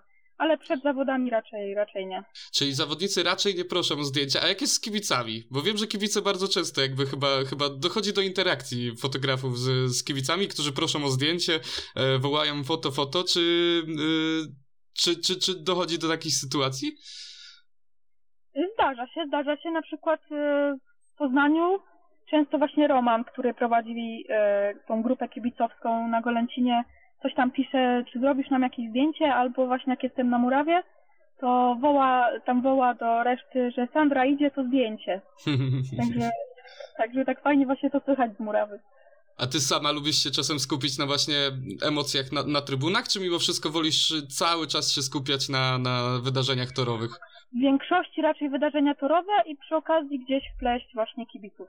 Ja tak chciałbym cię jeszcze zapytać, bo z tego co mi wiadomo, gdzieś miałaś jakiś tam epizod związany z fotografiami naszego mistrza świata Bartosza Zmarzlika, ale chyba jeszcze zanim był mistrzem świata. Yy, czy mogłabyś troszeczkę tej rąbka tajemnicy uchylić? Yy, Co tam było z tymi zdjęciami właśnie dla naszego mistrza świata? Gdzie one się miały pojawić? Co to była za sytuacja? Jakieś detale? Jak to, jak to, jak to było generalnie, że taki wyjątkowy gość tutaj yy, liczył na twoje zdjęcia? Znaczy to pisał kolega w imieniu właśnie Bartka. Czy byłabym w stanie zrobić takie czy takie zdjęcia na takim czy na takim stadionie, już nie pamiętam do końca. No i czy dałabym radę właśnie podesłać tam do nich, do teamu te zdjęcia. Hmm. I wiesz, wiesz w jakim celu tak, tak, te zdjęcia były im potrzebne? Bo przecież y, Bartosz Zmarzlik przecież tych zdjęć ma no bardzo dużo tak naprawdę. Podejrzewam, że wszyscy fotografowie y, na różnych różnego rodzaju stadionach są skupieni, no podejrzewam głównej mierze na nim. No jeszcze nawet jak przed zanim był mistrzem świata, to był przecież gwiazdą ligi i, i każdy chciał y, zdjęcie właśnie Bartkowi wykonać. Do, do czego te zdjęcia im tam były tak bardzo potrzebne? No właśnie, gdzieś tam wiem, że na pewno gdzieś na fanpage, czy, czy na jakieś karty takie dla kibiców, może gdzieś jeszcze, tego nie Mhm. wiadomo. Czyli, czyli nie, nie wiemy dokładnie. A też mam takie pytanie y, odnośnie stadionów, ponieważ y, jakby każdy z kibiców chyba ma, ma taki swój jeden ulubiony stadion. Em, a czy ty masz taki, taki jeden obiekt, na którym ci się najprzyjemniej zawsze pracowało, że, że wywarł na tobie takie największe wrażenie? Musiałabym się mocniej zastanowić, bo teraz mi jest ciężko odpowiedzieć na, py- na to pytanie. W Toruniu lubię robić na przykład zdjęcia. W Gorzowie też nie, nie jest y, wcale źle. No i w Poznaniu. Mhm. No ten, ten Golęciński stadion przepięknie położony, chyba najpiękniej położony stadion w Polsce moim zdaniem, szczerze mówiąc. Tak, Tak, w parku i O i w inne. Krośnie jeszcze bardzo fajne zdjęcia wychodzą też i też lubię tam robić zdjęcia. Mhm. E, a właśnie odnośnie zdjęć. Czy ty masz jakieś, nie wiem, swoje ulubione zdjęcie, takie jedno najpiękniejsze zdjęcie, które zrobiłaś, czy raczej się nie skupiasz aż tak jednostkowo na zdjęciach? Mam kilka wręcz ulubionych, ale raczej staram się na tym nie skupiać. Skupiam Mhm. się raczej właśnie, żeby dobrze wszystko złapać i, i, lubię starty na pewno robić i najlepsze właśnie zdjęcia mi wychodzą na starcie albo na wyjściu z pierwszego łuku.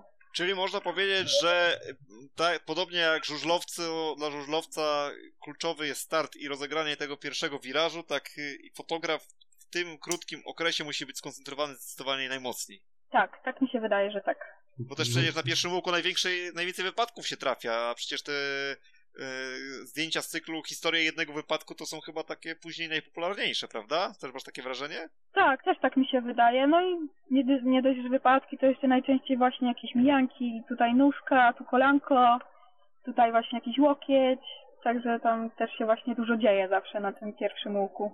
Mhm. No i druga liga to jest chyba taki, taki, ta, taki poziom rozgrywek, gdzie e, te zdjęcia są chyba najbardziej, e, bym powiedział, e, pożądane, bo wiadomo, że w Ekstraliga wszystkie mecze są transmitowane, pierwsza liga w zasadzie też, no a ta druga liga, no wiadomo, teraz pojawiła się ta motowizja, no ale też nie, nie wszędzie ta motowizja jest w stanie zajrzeć i chyba właśnie to powoduje, że ty będąc z tym, z tym aparatem na właśnie tych drugoligowym froncie, chyba te twoje zdjęcia są warte chyba wówczas najwięcej. Też masz takie wrażenie? W sumie nie odniosłam tego wrażenia i też się nad tym nie zastanawiałam za bardzo. No ale faktycznie w Ekstralidze no jest ta telewizja praktycznie na każdym meczu, w pierwszej lidze raczej też, także faktycznie coś w tym jest. A mówiliśmy o tych wypadkach i na pierwszym łuku i nie tylko.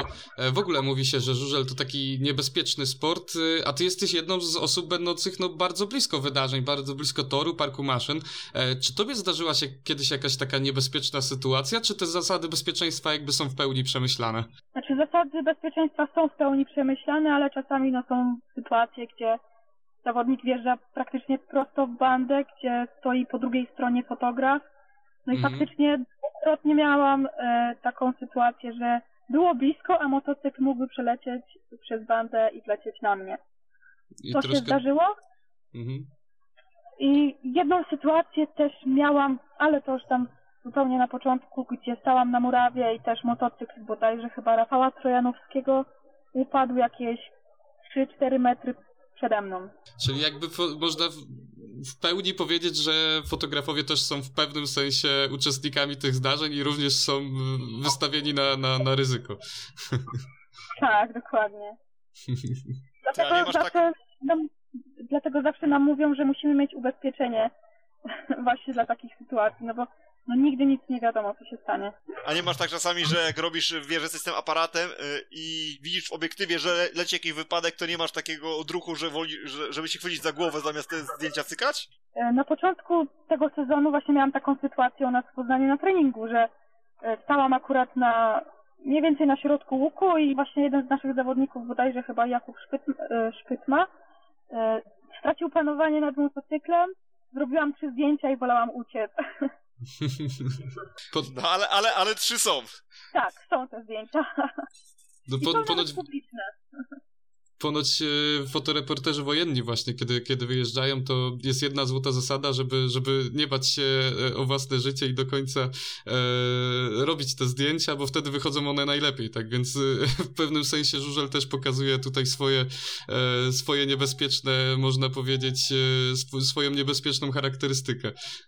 Dokładnie. No i, w, i, i w, tym, w tym momencie trzeba chyba jeszcze więcej szacunku do tych naszych fotoreporterów y, nabrać, skoro y, nigdy, nikt chyba nigdy nie zwrócił na to uwagi, co Damian? Mam takie wrażenie, że ten fotoreporter też jest w jakimś stopniu zawsze zagrożony, będąc y, tak blisko tych wszystkich zdarzeń, tak blisko z tym aparatem, no bo tak, tak jak Sandra mówi, nigdy nic nie wiadomo, co się wydarzy. W każdej chwili może się trafić jakiś y, element z toru, który przyleci przez bandę i nie daj Boże tego fotografa uderzy, albo tak jak Sandra też mówiła, w drugą stronę czasami na murawę potrafi, na murawie potrafi czasami znale- znaleźć jakiś motocykl, prawda? No dlatego mnie między innymi właśnie zadałem to pytanie, bo wydaje mi się, że, że jakby nikt o tym nie mówi, e, a, a nie dość, że kibice już są wystawieni czasami na ryzyko, to, to fotoreporterzy, którzy są blisko tego, e, tych wszystkich zdarzeń torowych, no, no są dużo bardziej jakby e, zagrożeni te, tymi sytu, sytuacjami.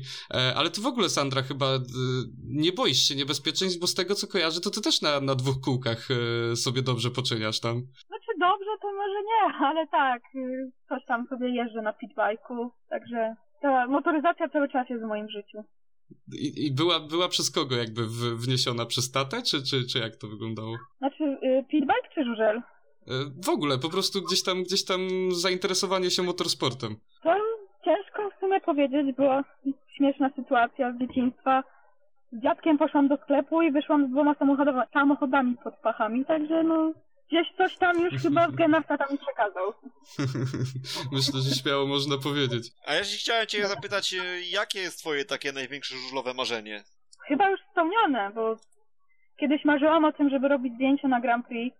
Właśnie Gregowi Hancockowi, Marzlikowi, Tomaszowi, Tomaszowi Golobowi i to się chyba spełniło już. Zobacz, jesteś jeszcze stosunkową, y, ba- nawet bym powiedział, nawet nie stosunkową, a po prostu bardzo młodą osobą, a już spełnione marzenia, no to powiem ci szczerze, zazdroszczę i życzę każdemu, żeby tak szybko w swoim życiu był w stanie spełnić swoje marzenia. Życzę ci, życzę ci też, żeby pojawiły się może nowe na twojej drodze i żeby się również, również spełniały. Dziękuję bardzo. Ja też tego życzę i, i też tak y, z chęcią bym zaprosił do obserwowania to, twojego profilu. E, foto Sa Sandra Reisner. Zapraszamy y, na Facebooku, też widziałem na Instagramie jesteś chyba, nie? Tak, dokładnie tak. Tak więc zapraszamy do śledzenia profilu wszystkich e, słuchaczy i cóż, i dziękujemy. Miłośników żużla i przede wszystkim też tych, którzy chcą zobaczyć fajne fotografie, bo naprawdę to, to co z ręki Sandry wychodzi, to jest, są już przecież lata doświad doświadczeń, powiedzmy sobie, yy, Damian, i tak więc to już nie są, nie są zdjęcia amatora, tak sobie to jasno powiedzmy. Zdecydowanie nie, ja też miałem okazję na nie spoglądać, więc y, w, pe w pełni e, świadomie zapraszam do, do obserwowania Sandry, bo, bo nieraz y, też, też właśnie widziałem ten logotyp, y, ten znak wodny właśnie w lewym lub prawym e, rogu, więc nie jest to osoba z, z łapanki, śmiało można powiedzieć. No i czego ci jeszcze można życzyć? Chyba nie, niby marzenia już spełniłaś wszystkie swoje, ale myślę, że, że dalej tam e, jakieś marzenia, nie wiem, może, może zagraniczne turnieje Grand Prix byłaś już? E, Jako fotoreporter jeszcze nigdy i marzę właśnie o Pradze. E, Pragę polecam Tak, no, bardzo. Bardzo, bardzo kameralny, fajny stadion, też nad y, rzeką y, położony, więc wy, myślę, że też zdjęcia piękne by tam wychodziły. Byłam jako kibic raz właśnie na Grand Prix w Pradze i tak później zaczęłam robić te zdjęcia i mówię, kurczę, no fajnie byłoby tutaj też porobić te zdjęcia. A później, słuchaj, z aparatem na miasto wylecieć, to by było też pięknie. O, dokładnie. No Praga naprawdę jedno z najpiękniejszych miast. No to co, to, to, to chyba, chyba tego można ci życzyć, co? Żebyś się pojawiła na, na y, turnieju Grand Prix w Pradze właśnie. I to, Jako to stosunkowo niedługo, i to stosunkowo niedługo, powiedzmy sobie szczerze, bo to chyba będzie, jak się nie mylę, pierwsza runda, prawda, w Pradze? Tak. No to Więc trzeba tego- trzymać kciuki, żeby się udało. Będziemy trzymać na pewno. E, A przy tym wszystkim, Damianie, e, zaprosiliśmy właśnie na profil Sandry, żeby obserwować zdjęcia, ale my też może zaprośmy do e, tutaj zostawienia subskrypcji pod naszym podcastem, bo tego jeszcze chyba ani razu nie zrobiliśmy, nikogo nie zachęciliśmy, a zachęcamy, bo co tydzień wpada nowy odcinek. Spodziewajcie się też kolejnych ciekawych gości. Myślę, że już nawet e, ktoś bardzo ciekawy się pojawi za tydzień. E, No i myślę, że takie spojrzenie nasze jest troszeczkę inne niż takiego przeciętnego, myślę, dziennikarza sportowego. Troszeczkę, myślę, tutaj w miarę staramy się taki luźny klimat utrzymywać i mam nadzieję, że wam się to podoba. Jeśli, jeśli tak, to zachęcamy tym bardziej do subskrypcji. Jeśli nie, czekamy na fanpage'u na Facebooku, na wasze jakieś słowa krytyki, wasze słowa uwagi. My na pewno chętnie się do tego odniesiemy, chętnie wprowadzimy ewentualnie coś, co e, waszym zdaniem byłoby ciekawe, coś, co wam się na przykład mogłoby spodobać, także czekamy na sugestie i, i czekamy na subskrypcję. Zgadzasz się ze mną, Damian? Zdecydowanie się zgadzam i to, że robimy coś innego, to ja się tak zapytam e, może na koniec Sandry, ilu wywiadów udzielałaś w swoim życiu? Trzech, dokładnie trzech. Więc jakby to, to, to świadczy o tym, że, że, że czasami szukamy właśnie czegoś, em, czegoś niekonwencjonalnego, ale w sumie trzy wywiady, powiem ci, że, że dla kogo te wywiady były? To, aż tak z ciekawości zapytam. E, Jeden pojawił się w tygodniku żużlowym bodajże chyba w zeszłym roku, Jasne. a jeden już nawet nie pamiętam. To też gdzieś tam lata wstecz. No i fajnie, że ci, że ci fotoreporterzy są zauważani, bo właśnie zawsze jesteście po drugiej stronie obiektywu, niewidoczni, a, a jednak, jednak e, no, stanowicie kolosalną część ca, ca, całego środowiska żużlowego, więc e, tym bardziej dziękuję ci za twoją pracę i, i naprawdę szczerze życzę powodzenia na przyszłość. Dziękuję bardzo. Ja tylko jeszcze ostatnie pytanie mam na koniec, takie już troszeczkę może mniej takie optymistyczne, bo to jest też dosyć częsty temat, który trafia się niestety fotoreporterom, że bardzo często są przywłaszczane wasze zdjęcia. Czy tobie też się już takie sytuacje w życiu zdarzały? Tak, zdarzało się już niestety. I powiedz mi, jak rozwiązujesz takie sytuacje? Często trzeba napisać właśnie do osoby bądź e, jakiegoś konta, które właśnie zapożyczyło sobie bez zgody zdjęcia i wtedy wyjaśniamy sprawę prywatnie. Ale nigdy nie zdarzyło się, żeby ta osoba jakoś tam mocno cię zbagatelizowała i trzeba było jakichś takich poważniejszych kroków używać. Nie, nie, na szczęście jeszcze mi się nie zdarzyło i oby się to prędko nie, właśnie nie zdarzyło. I właśnie takich rzeczy też ci życzę, bo to jest, są detale, ale na pewno często są to takie kwestie, które chcielibyśmy jak najbardziej omijać i życzę ci, żeby one cię omijały już zawsze, żeby się to tobie nie trafiało. E, A jeśli chodzi o naszą rozmowę z Sandrą, Damian, masz jeszcze jakieś pytania, czy to będzie już chyba na, na tę chwilę wszystko? Co myślisz? Ja już pytania, które miałem zadałem, więc, więc z mojej strony to zdecydowanie wszystko. To, To już nie będziemy cię męczyć. Dziękujemy ci Tak. bardzo za twoją obecność i co? I mam nadzieję, że słyszymy się jeszcze nie raz. y, Może nie, nie wiadomo, czy w naszym podcaście, ale mam nadzieję, że gdzieś tam jeszcze kontakt między nami się utrzyma i życzymy jeszcze raz wszystkiego dobrego. PSŻ-towi również życzymy y, powodzenia, bo gdzieś tam Damian też jednak nasza cząstka życia w tym Poznaniu pozostała, prawda? Tak, zdecydowanie i do, do końca jakby chyba życia nawet będę spoglądał na te e, skorpiony poznańskie z, z no takim ciepłem w sercu, można śmiało powiedzieć. Cztery lata spędzone w Poznaniu, e, więc no jeszcze raz dziękuję i, i życzę powodzenia też tego e, i, i można powiedzieć zawodowego i też, żeby skorpionom się, się coraz lepiej coraz lepiej udawało na, na torach żużlowych. Ja dziękuję bardzo za zaproszenie i na pewno trzeba trzymać kciuki za skorpiony. Dzięki wielkie, cześć. Cześć. Słuchaj, Wiktor. E, mogę cię zapewnić, że już nie wrócę do jazdy na żużlu, ale nie zamierzam całkowicie zerwać z tym sportem. Na jazdę i rywalizację nie ma jednak szans, powrotu Lindbecka już nie będzie. To pewne jak w banku. Czy ty słyszałeś te słowa? Nie słyszałem, aczkolwiek gdybym je usłyszał, to bym powiedział, żeby się tak nie rozpędzać, jeśli chodzi o, o te kwestie. Myślę, że wywróżyliśmy to w naszym podcaście bardzo dobrze dwa tygodnie temu, podczas rozmowy z Maćkiem Kozielskim, kiedy właśnie mówiliśmy, że bardzo prawdopodobne, że w czerwcu wróci na tor.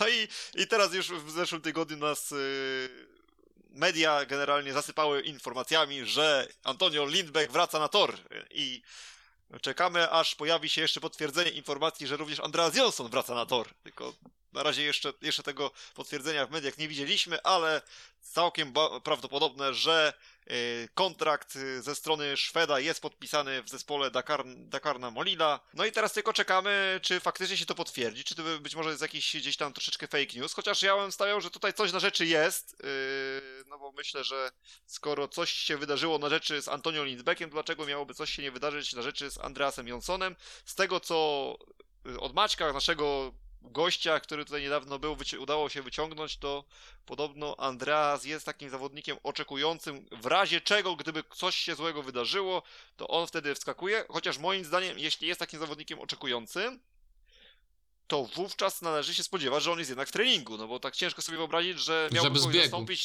nagle Mhm. z biegu, prawda? Więc Tak. e, podejrzewam, że gdybyśmy mieli jakiegoś znajomego mieszkającego w Molili, no moglibyśmy zapytać, stary, przejdźcie na stadion i zobacz, czy gdzieś tego szwedzkiego AJ-a widać na torze, czy gdzieś on się tam pojawia, czy faktycznie gdzieś e, widać go w kewlarze z motocyklami i czy faktycznie można spodziewać się, że ten Andreas jeszcze e, jako zawodnik, za, czynny zawodowy nas swoją jazdą uraczy. No ale to prawda, ciągnie wilka do lasu ewidentnie. Właśnie Toninio też e, ciągnęło do lasu. No on już ogłosił koniec kariery pod koniec ubiegłego roku. Słuchaj, założył już nawet firmę zajmującą się pracami ziemnymi, takimi mniejszymi, takie mniejsze koparki do prac na działkach i ogrodach, e, gdzie, gdzie większy sprzęt nie może wjechać. E, I pisał nawet wtedy, że pewnie zatęskni jeszcze do toru, zapachu metanolu i dźwięków silnika. No i się okazało, że bardzo szybko zatęsknił, można po- powiedzieć, e, bo, bo parę miesięcy później podpisuje kontrakt e, z Masarną Avestą, e, z tym, że nie zamierza je, jeździć nigdzie indziej, poza, poza samą Avestą, więc e, jakby e, będzie to bardziej nawet swego rodzaju hobby moim zdaniem i, i utrzymanie tego kontaktu z motocyklem niż jakaś wielka kariera. No i w sumie fajnie, fajnie, że się w tym sporcie ten Antonio będzie chciał utrzymać i że być może chociaż swoje najbliższe grono y, zwolenników trochę pocieszyć swoją jazdą. No ja nie ukrywam, że ja jestem jednym z fanów Andreasa Jonsona. Gdybym jeszcze miał okazję Andreasa zobaczyć na motocyklu, to bardzo bym się z tego powodu ucieszył, bo naprawdę bardzo, bardzo polubiłem tego zawodnika. Miałem nawet kiedyś z nim taki prywat, można powiedzieć prywatny, mam dług wdzięczności w stosunku do tego zawodnika gdzieś w przeszłości. Yy, więc naprawdę zawsze trzymałem za niego kciuki, żeby wiodło mu się jak najlepiej. No wiadomo, ta końcówka kariery yy, różami usłana nie była, ale też sobie powiedzmy, Antonio Lindbeck jest w miarę jeszcze młodym zawodnikiem, jak na żużlowca powiedzmy, tak względnie młodym. Mhm. Yy, no nie jest na pewno jeszcze jakimś tak starym jak powiedzmy Rune Holta. Andreas Jonsson też jest, ma, do, ma w tej chwili 40 lat. Przecież tacy zawodnicy normalnie czynnie jeżdżą na żużlu, więc yy, dlaczego, dlaczego jeszcze by 2-3 lata nie miał sobie gdzieś yy, sprawić frajdy i gdzieś chociaż na szwedzkich torach pośmigać? No tylko tam była kwestia właśnie mocno zdrowotna, że, że mm, chyba po tym ostatnim upadku kręgosłup mocno ucierpiał i e, istnieje bezpośrednie zagrożenie po prostu zdrowia. Nie wiem ile w tym prawdy, być może, może odbywał po prostu mm, jakieś, jakąś rehabilitację, jakieś operacje, e, więc e, być może Andreasa też zobaczymy. Swoją drogą też zobaczymy po roku przerwy, wiesz kogo? E, Chrisa Bombera Harrisa. Wraca Liga Brytyjska i wraca Chris Harris na, na tory i kto wie, czy też w tym sezonie może nie zobaczymy go na jakichś europejskich torach. No kto się za bomberem by nie stęsknił, no powiedz. Żużel bez bombera to nie jest żużel. No to jest mój idol największy, absolutny idol. E, więc, więc y, ja czekam z utęsknieniem. E, Też w ogóle tematy tych powrotów Jason Crump też e, się pojawił ten temat, że, że, że wraca na Wyspy Brytyjskie, że na, na razie tą polską ligę jakby nie ma w planach tej polskiej ligi, ale, ale no widać, że wszystkich tych, którzy skończyli te kariery, ciągnie do lasu i to nie jest jednak tak, że to jest ich styl życia, od którego naprawdę trudno odejść. I, i widzimy to dosłownie na każdym kroku, że, że ci zawodnicy mimo wszystko wracają do, do, do, do sw- swojego, swojej ukochanej dyscypliny. E, Więc yy, no ciekawe jeszcze jakie powroty w przyszłości. Jeśli chodzi o Andrasa Jonsona, tak sobie tutaj znalazłem e, jego wypowiedź sprzed roku dla Speedway Stara, w której mówił, że e, w jego garażu stoją motocykle gotowe do jazdy i być może kiedyś jeszcze pokręci parę kółek, więc co prawda wtedy twierdził, że radzi sobie generalnie z tym brakiem tego żużla i że nie miał okazji zbyt wielu e, do, okazji do zbyt wielu rozmów na temat, na temat tego sportu, Mhm. ale być może kolejny rok y, rozbratu przyczynił się do tego, że ta tęsknota y, wzięła górę i być może chociaż chciał sobie gdzieś tutaj treningowo pojeździć, wiesz, tak typowo amatorsko na, na torze w Molili i może ktoś po prostu tutaj y, no, przy okazji stwierdził, no Andreas, ty amatorsko jeżdżąc dalej jesteś zawodnikiem, który tutaj nie jednego by y, za plecami swoimi poprzywoził, więc może podpisz tutaj na kontrakt, jakby coś złego się działo, to byś był w razie czego. No i być może taki faktycznie coś miało miejsce. Mm, Poczekamy, zobaczymy. Może gdzieś ta informacja się w, w końcu potwierdzi. Być może ktoś z, taki, z, z dziennikarzy troszeczkę y, takie, y, powiedzmy, z dziennikarzy z mocnym nazwiskiem gdzieś znajdą dojście do takich informacji i nas taką, tak, tak, takim, a nie innym newsem uraczą. A teraz proponuję już po tych My się uraczmy już kolejną powrotach. ligą. tak, po tych szwedzkich tutaj e, powrotach, e, powiedzmy sobie tutaj o jedynym Szwedzie, który e, w tej kolejce pojawi się na torze ekstraligowym, czyli zaczynamy od meczu w, w Częstochowie, który odbędzie się jako pierwszy 28 maja, piątek, godzina 18 przy ulicy Olsztyńskiej, jak dobrze pamiętam, tam jest e, wybudowany st- stadion e, Częstochowskich Lwów. I co tutaj możemy powiedzieć? Zdecydowany faworyt Włóknia Częstochowa, mimo tego, że jadą, e, są w nieuprzywilejowanej sytuacji, bo jadą u siebie. W przypadku oczywiście włókniarza to jest, to jest e, coś, co nie jest przywilejem, no bo wiemy, że to jest większe ryzyko porażki, ale przyjeżdża Grudziądz, który na wyjazdach sobie radzi delikatnie ujmując słabo. W tym roku do tej, pory, do tej pory dwa mecze wyjazdowe prze, przejechane przez ekipę GKM-u. W Zielonej Górze przegrana 12, w Toruniu przegrana 20, a więc wyjazdy raczej no, nie są najlepszymi wspomnieniami tej ekipy. No i powiedzmy sobie tak, y, teraz po porażce u siebie 12 punktami, czy ty widzisz jakieś szanse drużyny z województwa kujawsko-pomorskiego pod Jasną Górą? Absolutnie nie widzę żadnych szans. Wydaje mi się, że te kłopoty włókniarza w, na swoim torze to, to, to jest troszkę chyba też. E, nie jest to spowodowane po prostu tym, że lepiej radzą sobie na wyjazdach, tylko gdzieś tam forma akurat e, była na tych e, meczach wyjazdowych. E, Wydaje mi się, że tą formę przeniosą też na własny tor i będą jeszcze silniejsi na własnym torze. A jeżeli właśnie spotykają się z GKM-em, który na wyjazdach no, mm, przyzwyczaił nas do tego, że raczej, raczej nie zbytnio nie, nie stawia się w roli fa- fa- faworyta, no to, to nie, włókniarz zdecydowanie, włókniarz moim zdaniem jeszcze będzie miał bardzo dużą chrapkę na playoffy, więc oni e, mają już, już, na, już nóż na gardle, muszą wygrywać, e, a z kim jak nie z GKM-em, mój wynik powiem Ci też ostatecznie, że to jest 50 3,37 z mojej strony. mojej, z mojej strony 55-35. 55-35.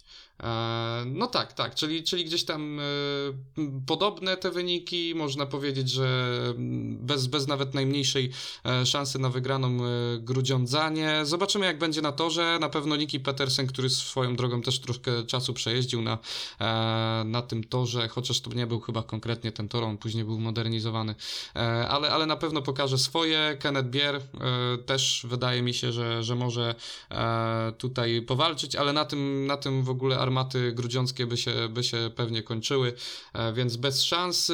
Na czy szansę będzie miała Pator z meczu ze Stalą Gorzów? Wiesz co, ja tylko chcę jeszcze jedną rzecz y, tylko dopowiedzieć. Oczywiście tutaj to było mocno pół żartem, pół serio, jeśli chodzi o ten brak atutu własnego toru i, i to, że to jest y, oczywiście brak komfortu jazdy u siebie w wykonaniu włókniarza. Wierzę w to, że tutaj ekipa z y, województwa śląskiego przygotuje ten tor już w tym momencie tak jak chcą, że pogoda nie będzie jakoś mocno torpedowała tych przygotowań. A jeśli chodzi o, już o ten drugi mecz nadchodzącej kolejki, o którym tutaj wspomniałeś, te, ponownie upatruję tutaj zdecydowanego faworyta w gospodarzach. E, Co prawda w minionej kolejce no też upatrywałem właśnie tego e, mocniejszego zespołu w Gorzowianach w starciu z e, Częstochową, no ale tam się pomyliłem. Tu myślę, że się nie pomylę, ależ będę troszeczkę ostrożniejszy i tym razem 51-39 dla Gorzowskiej Stali przewiduję. Ty będziesz troszkę ostrożniejszy, ja wtedy byłem ostrożniejszy, a teraz nasze role się odwrócą. Ja tu stawiam drugi wynik 53-37. Ja wiesz co, na co chciałbym zwrócić uwagę? Chciałem zwrócić uwagę na to, że Na wraca... Jacka Holdera. Tak jest, wraca Jack Holder na swoje w cudzysłowie śmieci i to może spowodować, że troszeczkę ten jego wynik będzie okazalszy niż był to, niż miało to miejsce w tej teraz minionej kolejce. Mhm. E, tak, no wraca w pewnym sensie na swoje śmieci oczywiście, bo to był tylko jeden sezon e, spędzony jako gość w barwach Stali Gorzów, ale faktycznie no, polubił się z tym torem, on jest też taki specyficzny, techniczny. E, myślę, że Jack lubi takie tory. Robert Lambert też może moim zdaniem na plus tutaj zaskoczyć, ale z drugiej strony wydaje mi się, że Adrian Miedziński absolutnie nie, e, nie pojawi się, nie, nie pokaże się z dobrej strony na tym torze. Mm, Do tego Paweł Przedpełski nie wiem, czy, czy, czy w Gorzowie uda się zdobyć jakieś punkty. Juniorka też jakby po stronie Stali Gorzów e, w tym e, zestawieniu, więc no stąd ten wynik 53-37. E, No ale ciekawiej będzie w Zielonej Górze, co? Jak ci się wydaje? Powiem ci tak, generalnie ja się tylko jedną rzecz bardzo powiem ci boję. Ja się boję, żeby pogoda znowu nam nie sterpodowała tej kolejki, wiesz, bo tak jak patrzę już sobie wstępnie na Częstochowę, mm, no to już widzę, że piąt, piąt, na piątek jakieś opady są przewidywane. Co prawda w zależności na który spojrzy się portal, to widać na jednym opady troszeczkę mniejsze, na innych troszeczkę większe, no ale generalnie w trakcie dnia może nie na sam mecz, na mecz, powin, mecz powinien się odbyć, ale przygotowanie toru zgodnie z własną wolą może być niestety niemożliwe, jeśli chodzi o Częstochowę, e, więc tutaj tylko to jeszcze chciałem dodać, jeśli chodzi Mhm. o, o ten, tamten, ten, to pierwsze spotkanie. Jeśli chodzi o spotkanie w Zielonej Górze, no nie chcę tutaj mówić, że Falubas musi dostać męski od Wrocławia, który jest w dobrej formie i który ma naprawdę taką, ma, ma kilka armat, ale no jeśli Piotrek Żyto chce tutaj Falubas utrzymać w grze, no to myślę, że nie może czekać kolejny tydzień na mecz z Apatorem, tylko on już tutaj musi najpierw rozwinąć gdzieś swoje żagle i pokazać e, poziom w starciu z tak mocnym rywalem i tu musi Falubas no mimo tego, że na pewno nie jest faworytem, to sobie powiedzmy jasno, e, musi spróbować znaleźć jakiś punktów, no bo no z każdym meczem będzie coraz trudniej Zielonogórzanom punktować. Ja tu przewiduję, że to spotkanie będzie mimo wszystko wyrównane. Yy, Jaki wynik? No ja tutaj postaram się postawić 45-45. Co prawda wiem, że to jest. Nie jest jakiś bardzo prawdopodobny wynik, no ale, ale jednak wierzę, że coś tutaj Piotrek Żyto przede wszystkim z Torem e, wymyśli. Ja już sprawdzam prognozy pogody, jakie są e, przewidywane na Zieloną Górę, no bo wiadomo, że jednak Zielona Góra, a Częstochowa to jest 350 km, no może nie w linii prostej, ale, ale około 350 km. Zaraz Mhm. zobaczymy, co tutaj prognozy wskazują. To prawda, że jest y, pojedynek niedzielny, więc tutaj trzeba troszeczkę z perspektywą dłuższą e, spoglądać w to, co te prognozy No ja myślę, że, że te prognozy mimo wszystko na, na 5 dni do przodu mogą, mogą nie, nie być zbyt trafne, więc... Yy, Oczywiście, że tak, zgadzam się z tą w 100%. Natomiast no, to, co mnie martwi, to to, że wszystkie prognozy są zgodne, że gdzieś tutaj pod koniec tygodnia, w ze sobotą włącznie mają być opady. Niedziela ma być bezdeszczowa, ma być y, względnie słonecznie, ale znowu powstaje pytanie, czy ten atut własnego toru będzie mógł być takim pełnym atutem własnego toru. Wiadomo, nie kupujemy tłumaczeń, ale w przypadku akurat falubazu, który jest pod y, ścianą, no przygotowanie toru idealnie tak jakby się chciało, no w tak trudnym, w tak trudnym meczu byłoby na pewno dużym handicapem. No tak, Piotr Żyto przyzwyczaił nas do tego, że atut własnego toru potrafi wykorzystać naprawdę do, do, e, do, ostatniej, e, do ostatniego fragmentu, więc, więc zdecydowanie może to być e, in minus, jeżeli chodzi o Falubas. No nie, no Sparta moim zdaniem mm, nie, wydaje mi się, że zdecydowanie tutaj em, Sparta wygra ten mecz. Zdecydowanie to może zbyt duże słowo. Moim zdaniem to będzie wynik 42-48 dla, e, dla drużyny przyjezdnych. E, powiem inaczej, jeżeli Falubas wygra ten mecz, to moim zdaniem to będzie po prostu niespodzianka. Ja też wydaje, tak, tak, się, tak mi się wydaje, natomiast no co mi pozostaje? No trzeba wierzyć, że chociaż jakiś remis y, uciłają. Grudziądz potrafił wygrać ze Spartą jednym punktem, co prawda wiemy w jakich okolicznościach, ale potrafił, y, więc być może Falubas też będzie w stanie to zrobić, patrząc na to, że teraz gorszy mecz odjechał chociażby Gleb, Czugunow, być może w Zielonej Górze też mu jakoś rewelacyjnie nie pójdzie i to dziś będzie jakaś tam szansa dla, dla Zielonogórzan, chociaż mam wrażenie, że jednak wrocławianie potrafią, potrafią tu jeździć w tej, w, na, tej, na wrocławskiej. Zresztą sama nazwa ulicy tutaj jest dosyć sprzyjająca. to na pewno, ale, ale nie wydaje mi się, żeby jakkolwiek e, mogło to wrocławianom pomóc. Bardziej, bardziej ten Tajwufin, ten, który, który e, wróci, wrócił do, do drużyny. E, no i najciekawszy też, no hit, zdecydowanie kolejki siódmej. Motor Lublin podejmuje u siebie Fogu Nieleszno. Mm, dwa zespoły, które zdecydowanie dążą do tego, żeby być liderem tych ro, rozgrywek. Jako jeden z czterech zespołów jak na razie. Um, I no, to będzie bardzo ciekawy mecz też z tej perspektywy, że e, Unia Leszno ostatnimi czasy pokazuje się z całkiem dobrej strony, a Lublin no, jest liderem rozgrywek.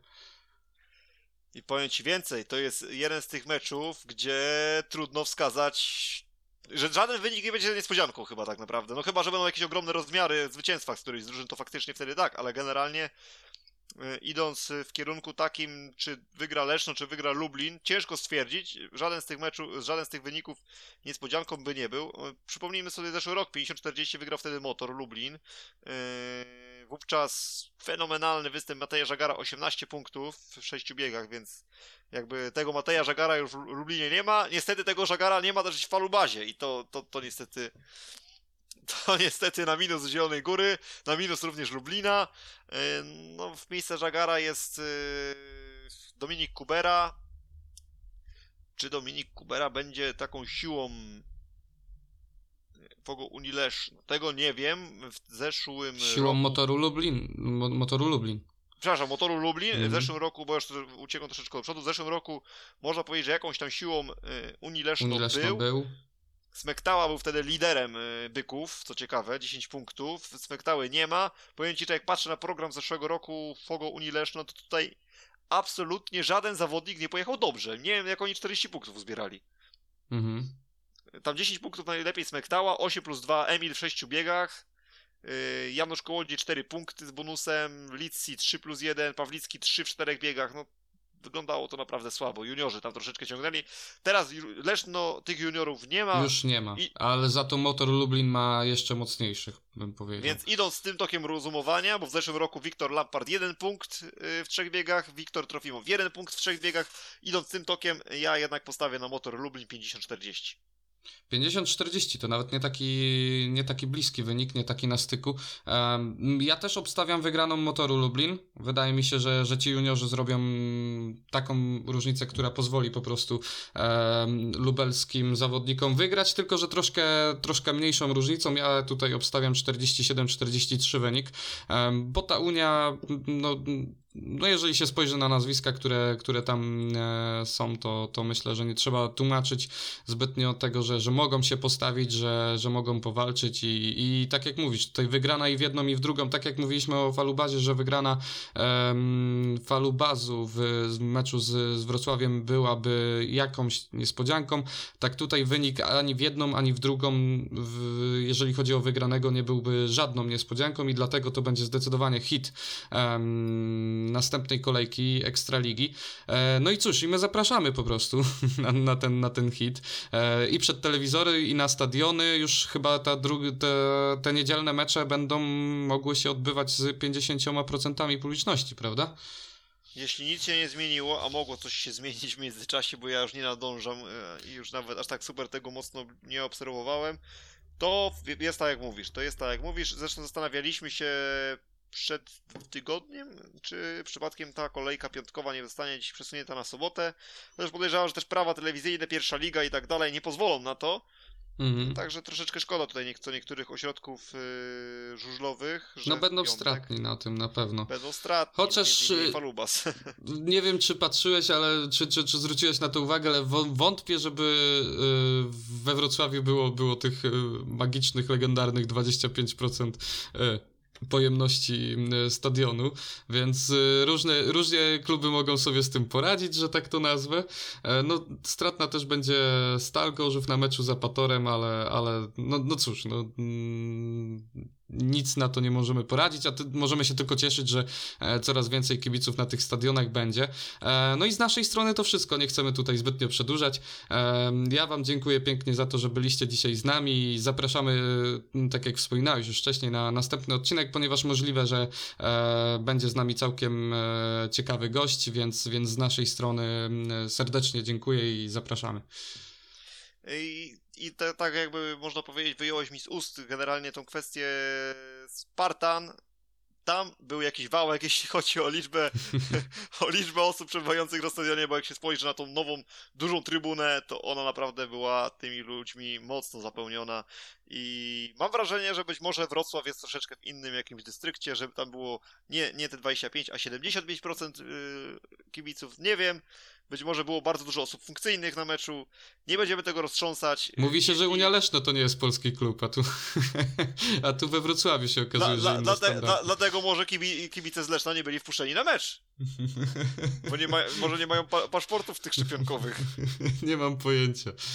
Nie no, wiadomo, oczywiście pół żartem, pół serio, pełny szacunek dla Unii Leszno za to, co robią w polskim żużlu. Są dominatorami ostatnich lat. Kto wie, czy nie będą dominatorem również tego roku, bo e, odrodzili się po pierwszym nieudanym spotkaniu, wygrywają mecz za meczem, no licząc teraz tej delikatnej wpadki we Wrocławiu, ale ona mogła być, e, myślę, wkalkulowana w to, że takie coś może się przytrafić. Dziękujemy za dzisiaj, dziękujemy jeszcze raz z, tego, z tej pozycji Sandrze za to, że się tutaj z nami dzisiaj pojawiła. E, Zapraszamy do oglądania jeszcze raz tej kolejki, która nadchodzi, wszystkich po kolei meczów. Zapraszamy do pozostawienia subskrypcji, o której tutaj wspominaliśmy pod naszym e, kanałem. Mam nadzieję, że no będzie, będzie to dla Was w przyszłym tygodniu jakiś ciekawy materiał. Mam nadzieję, że ten dzisiejszy też będzie w jakimś tam stopniu cenny. E, No i co? I do usłyszenia w przyszłym tygodniu. Dziękuję, dzięki wielkie za odsłuchanie. Cześć. Dzięki wielkie, cześć, trzymajcie się.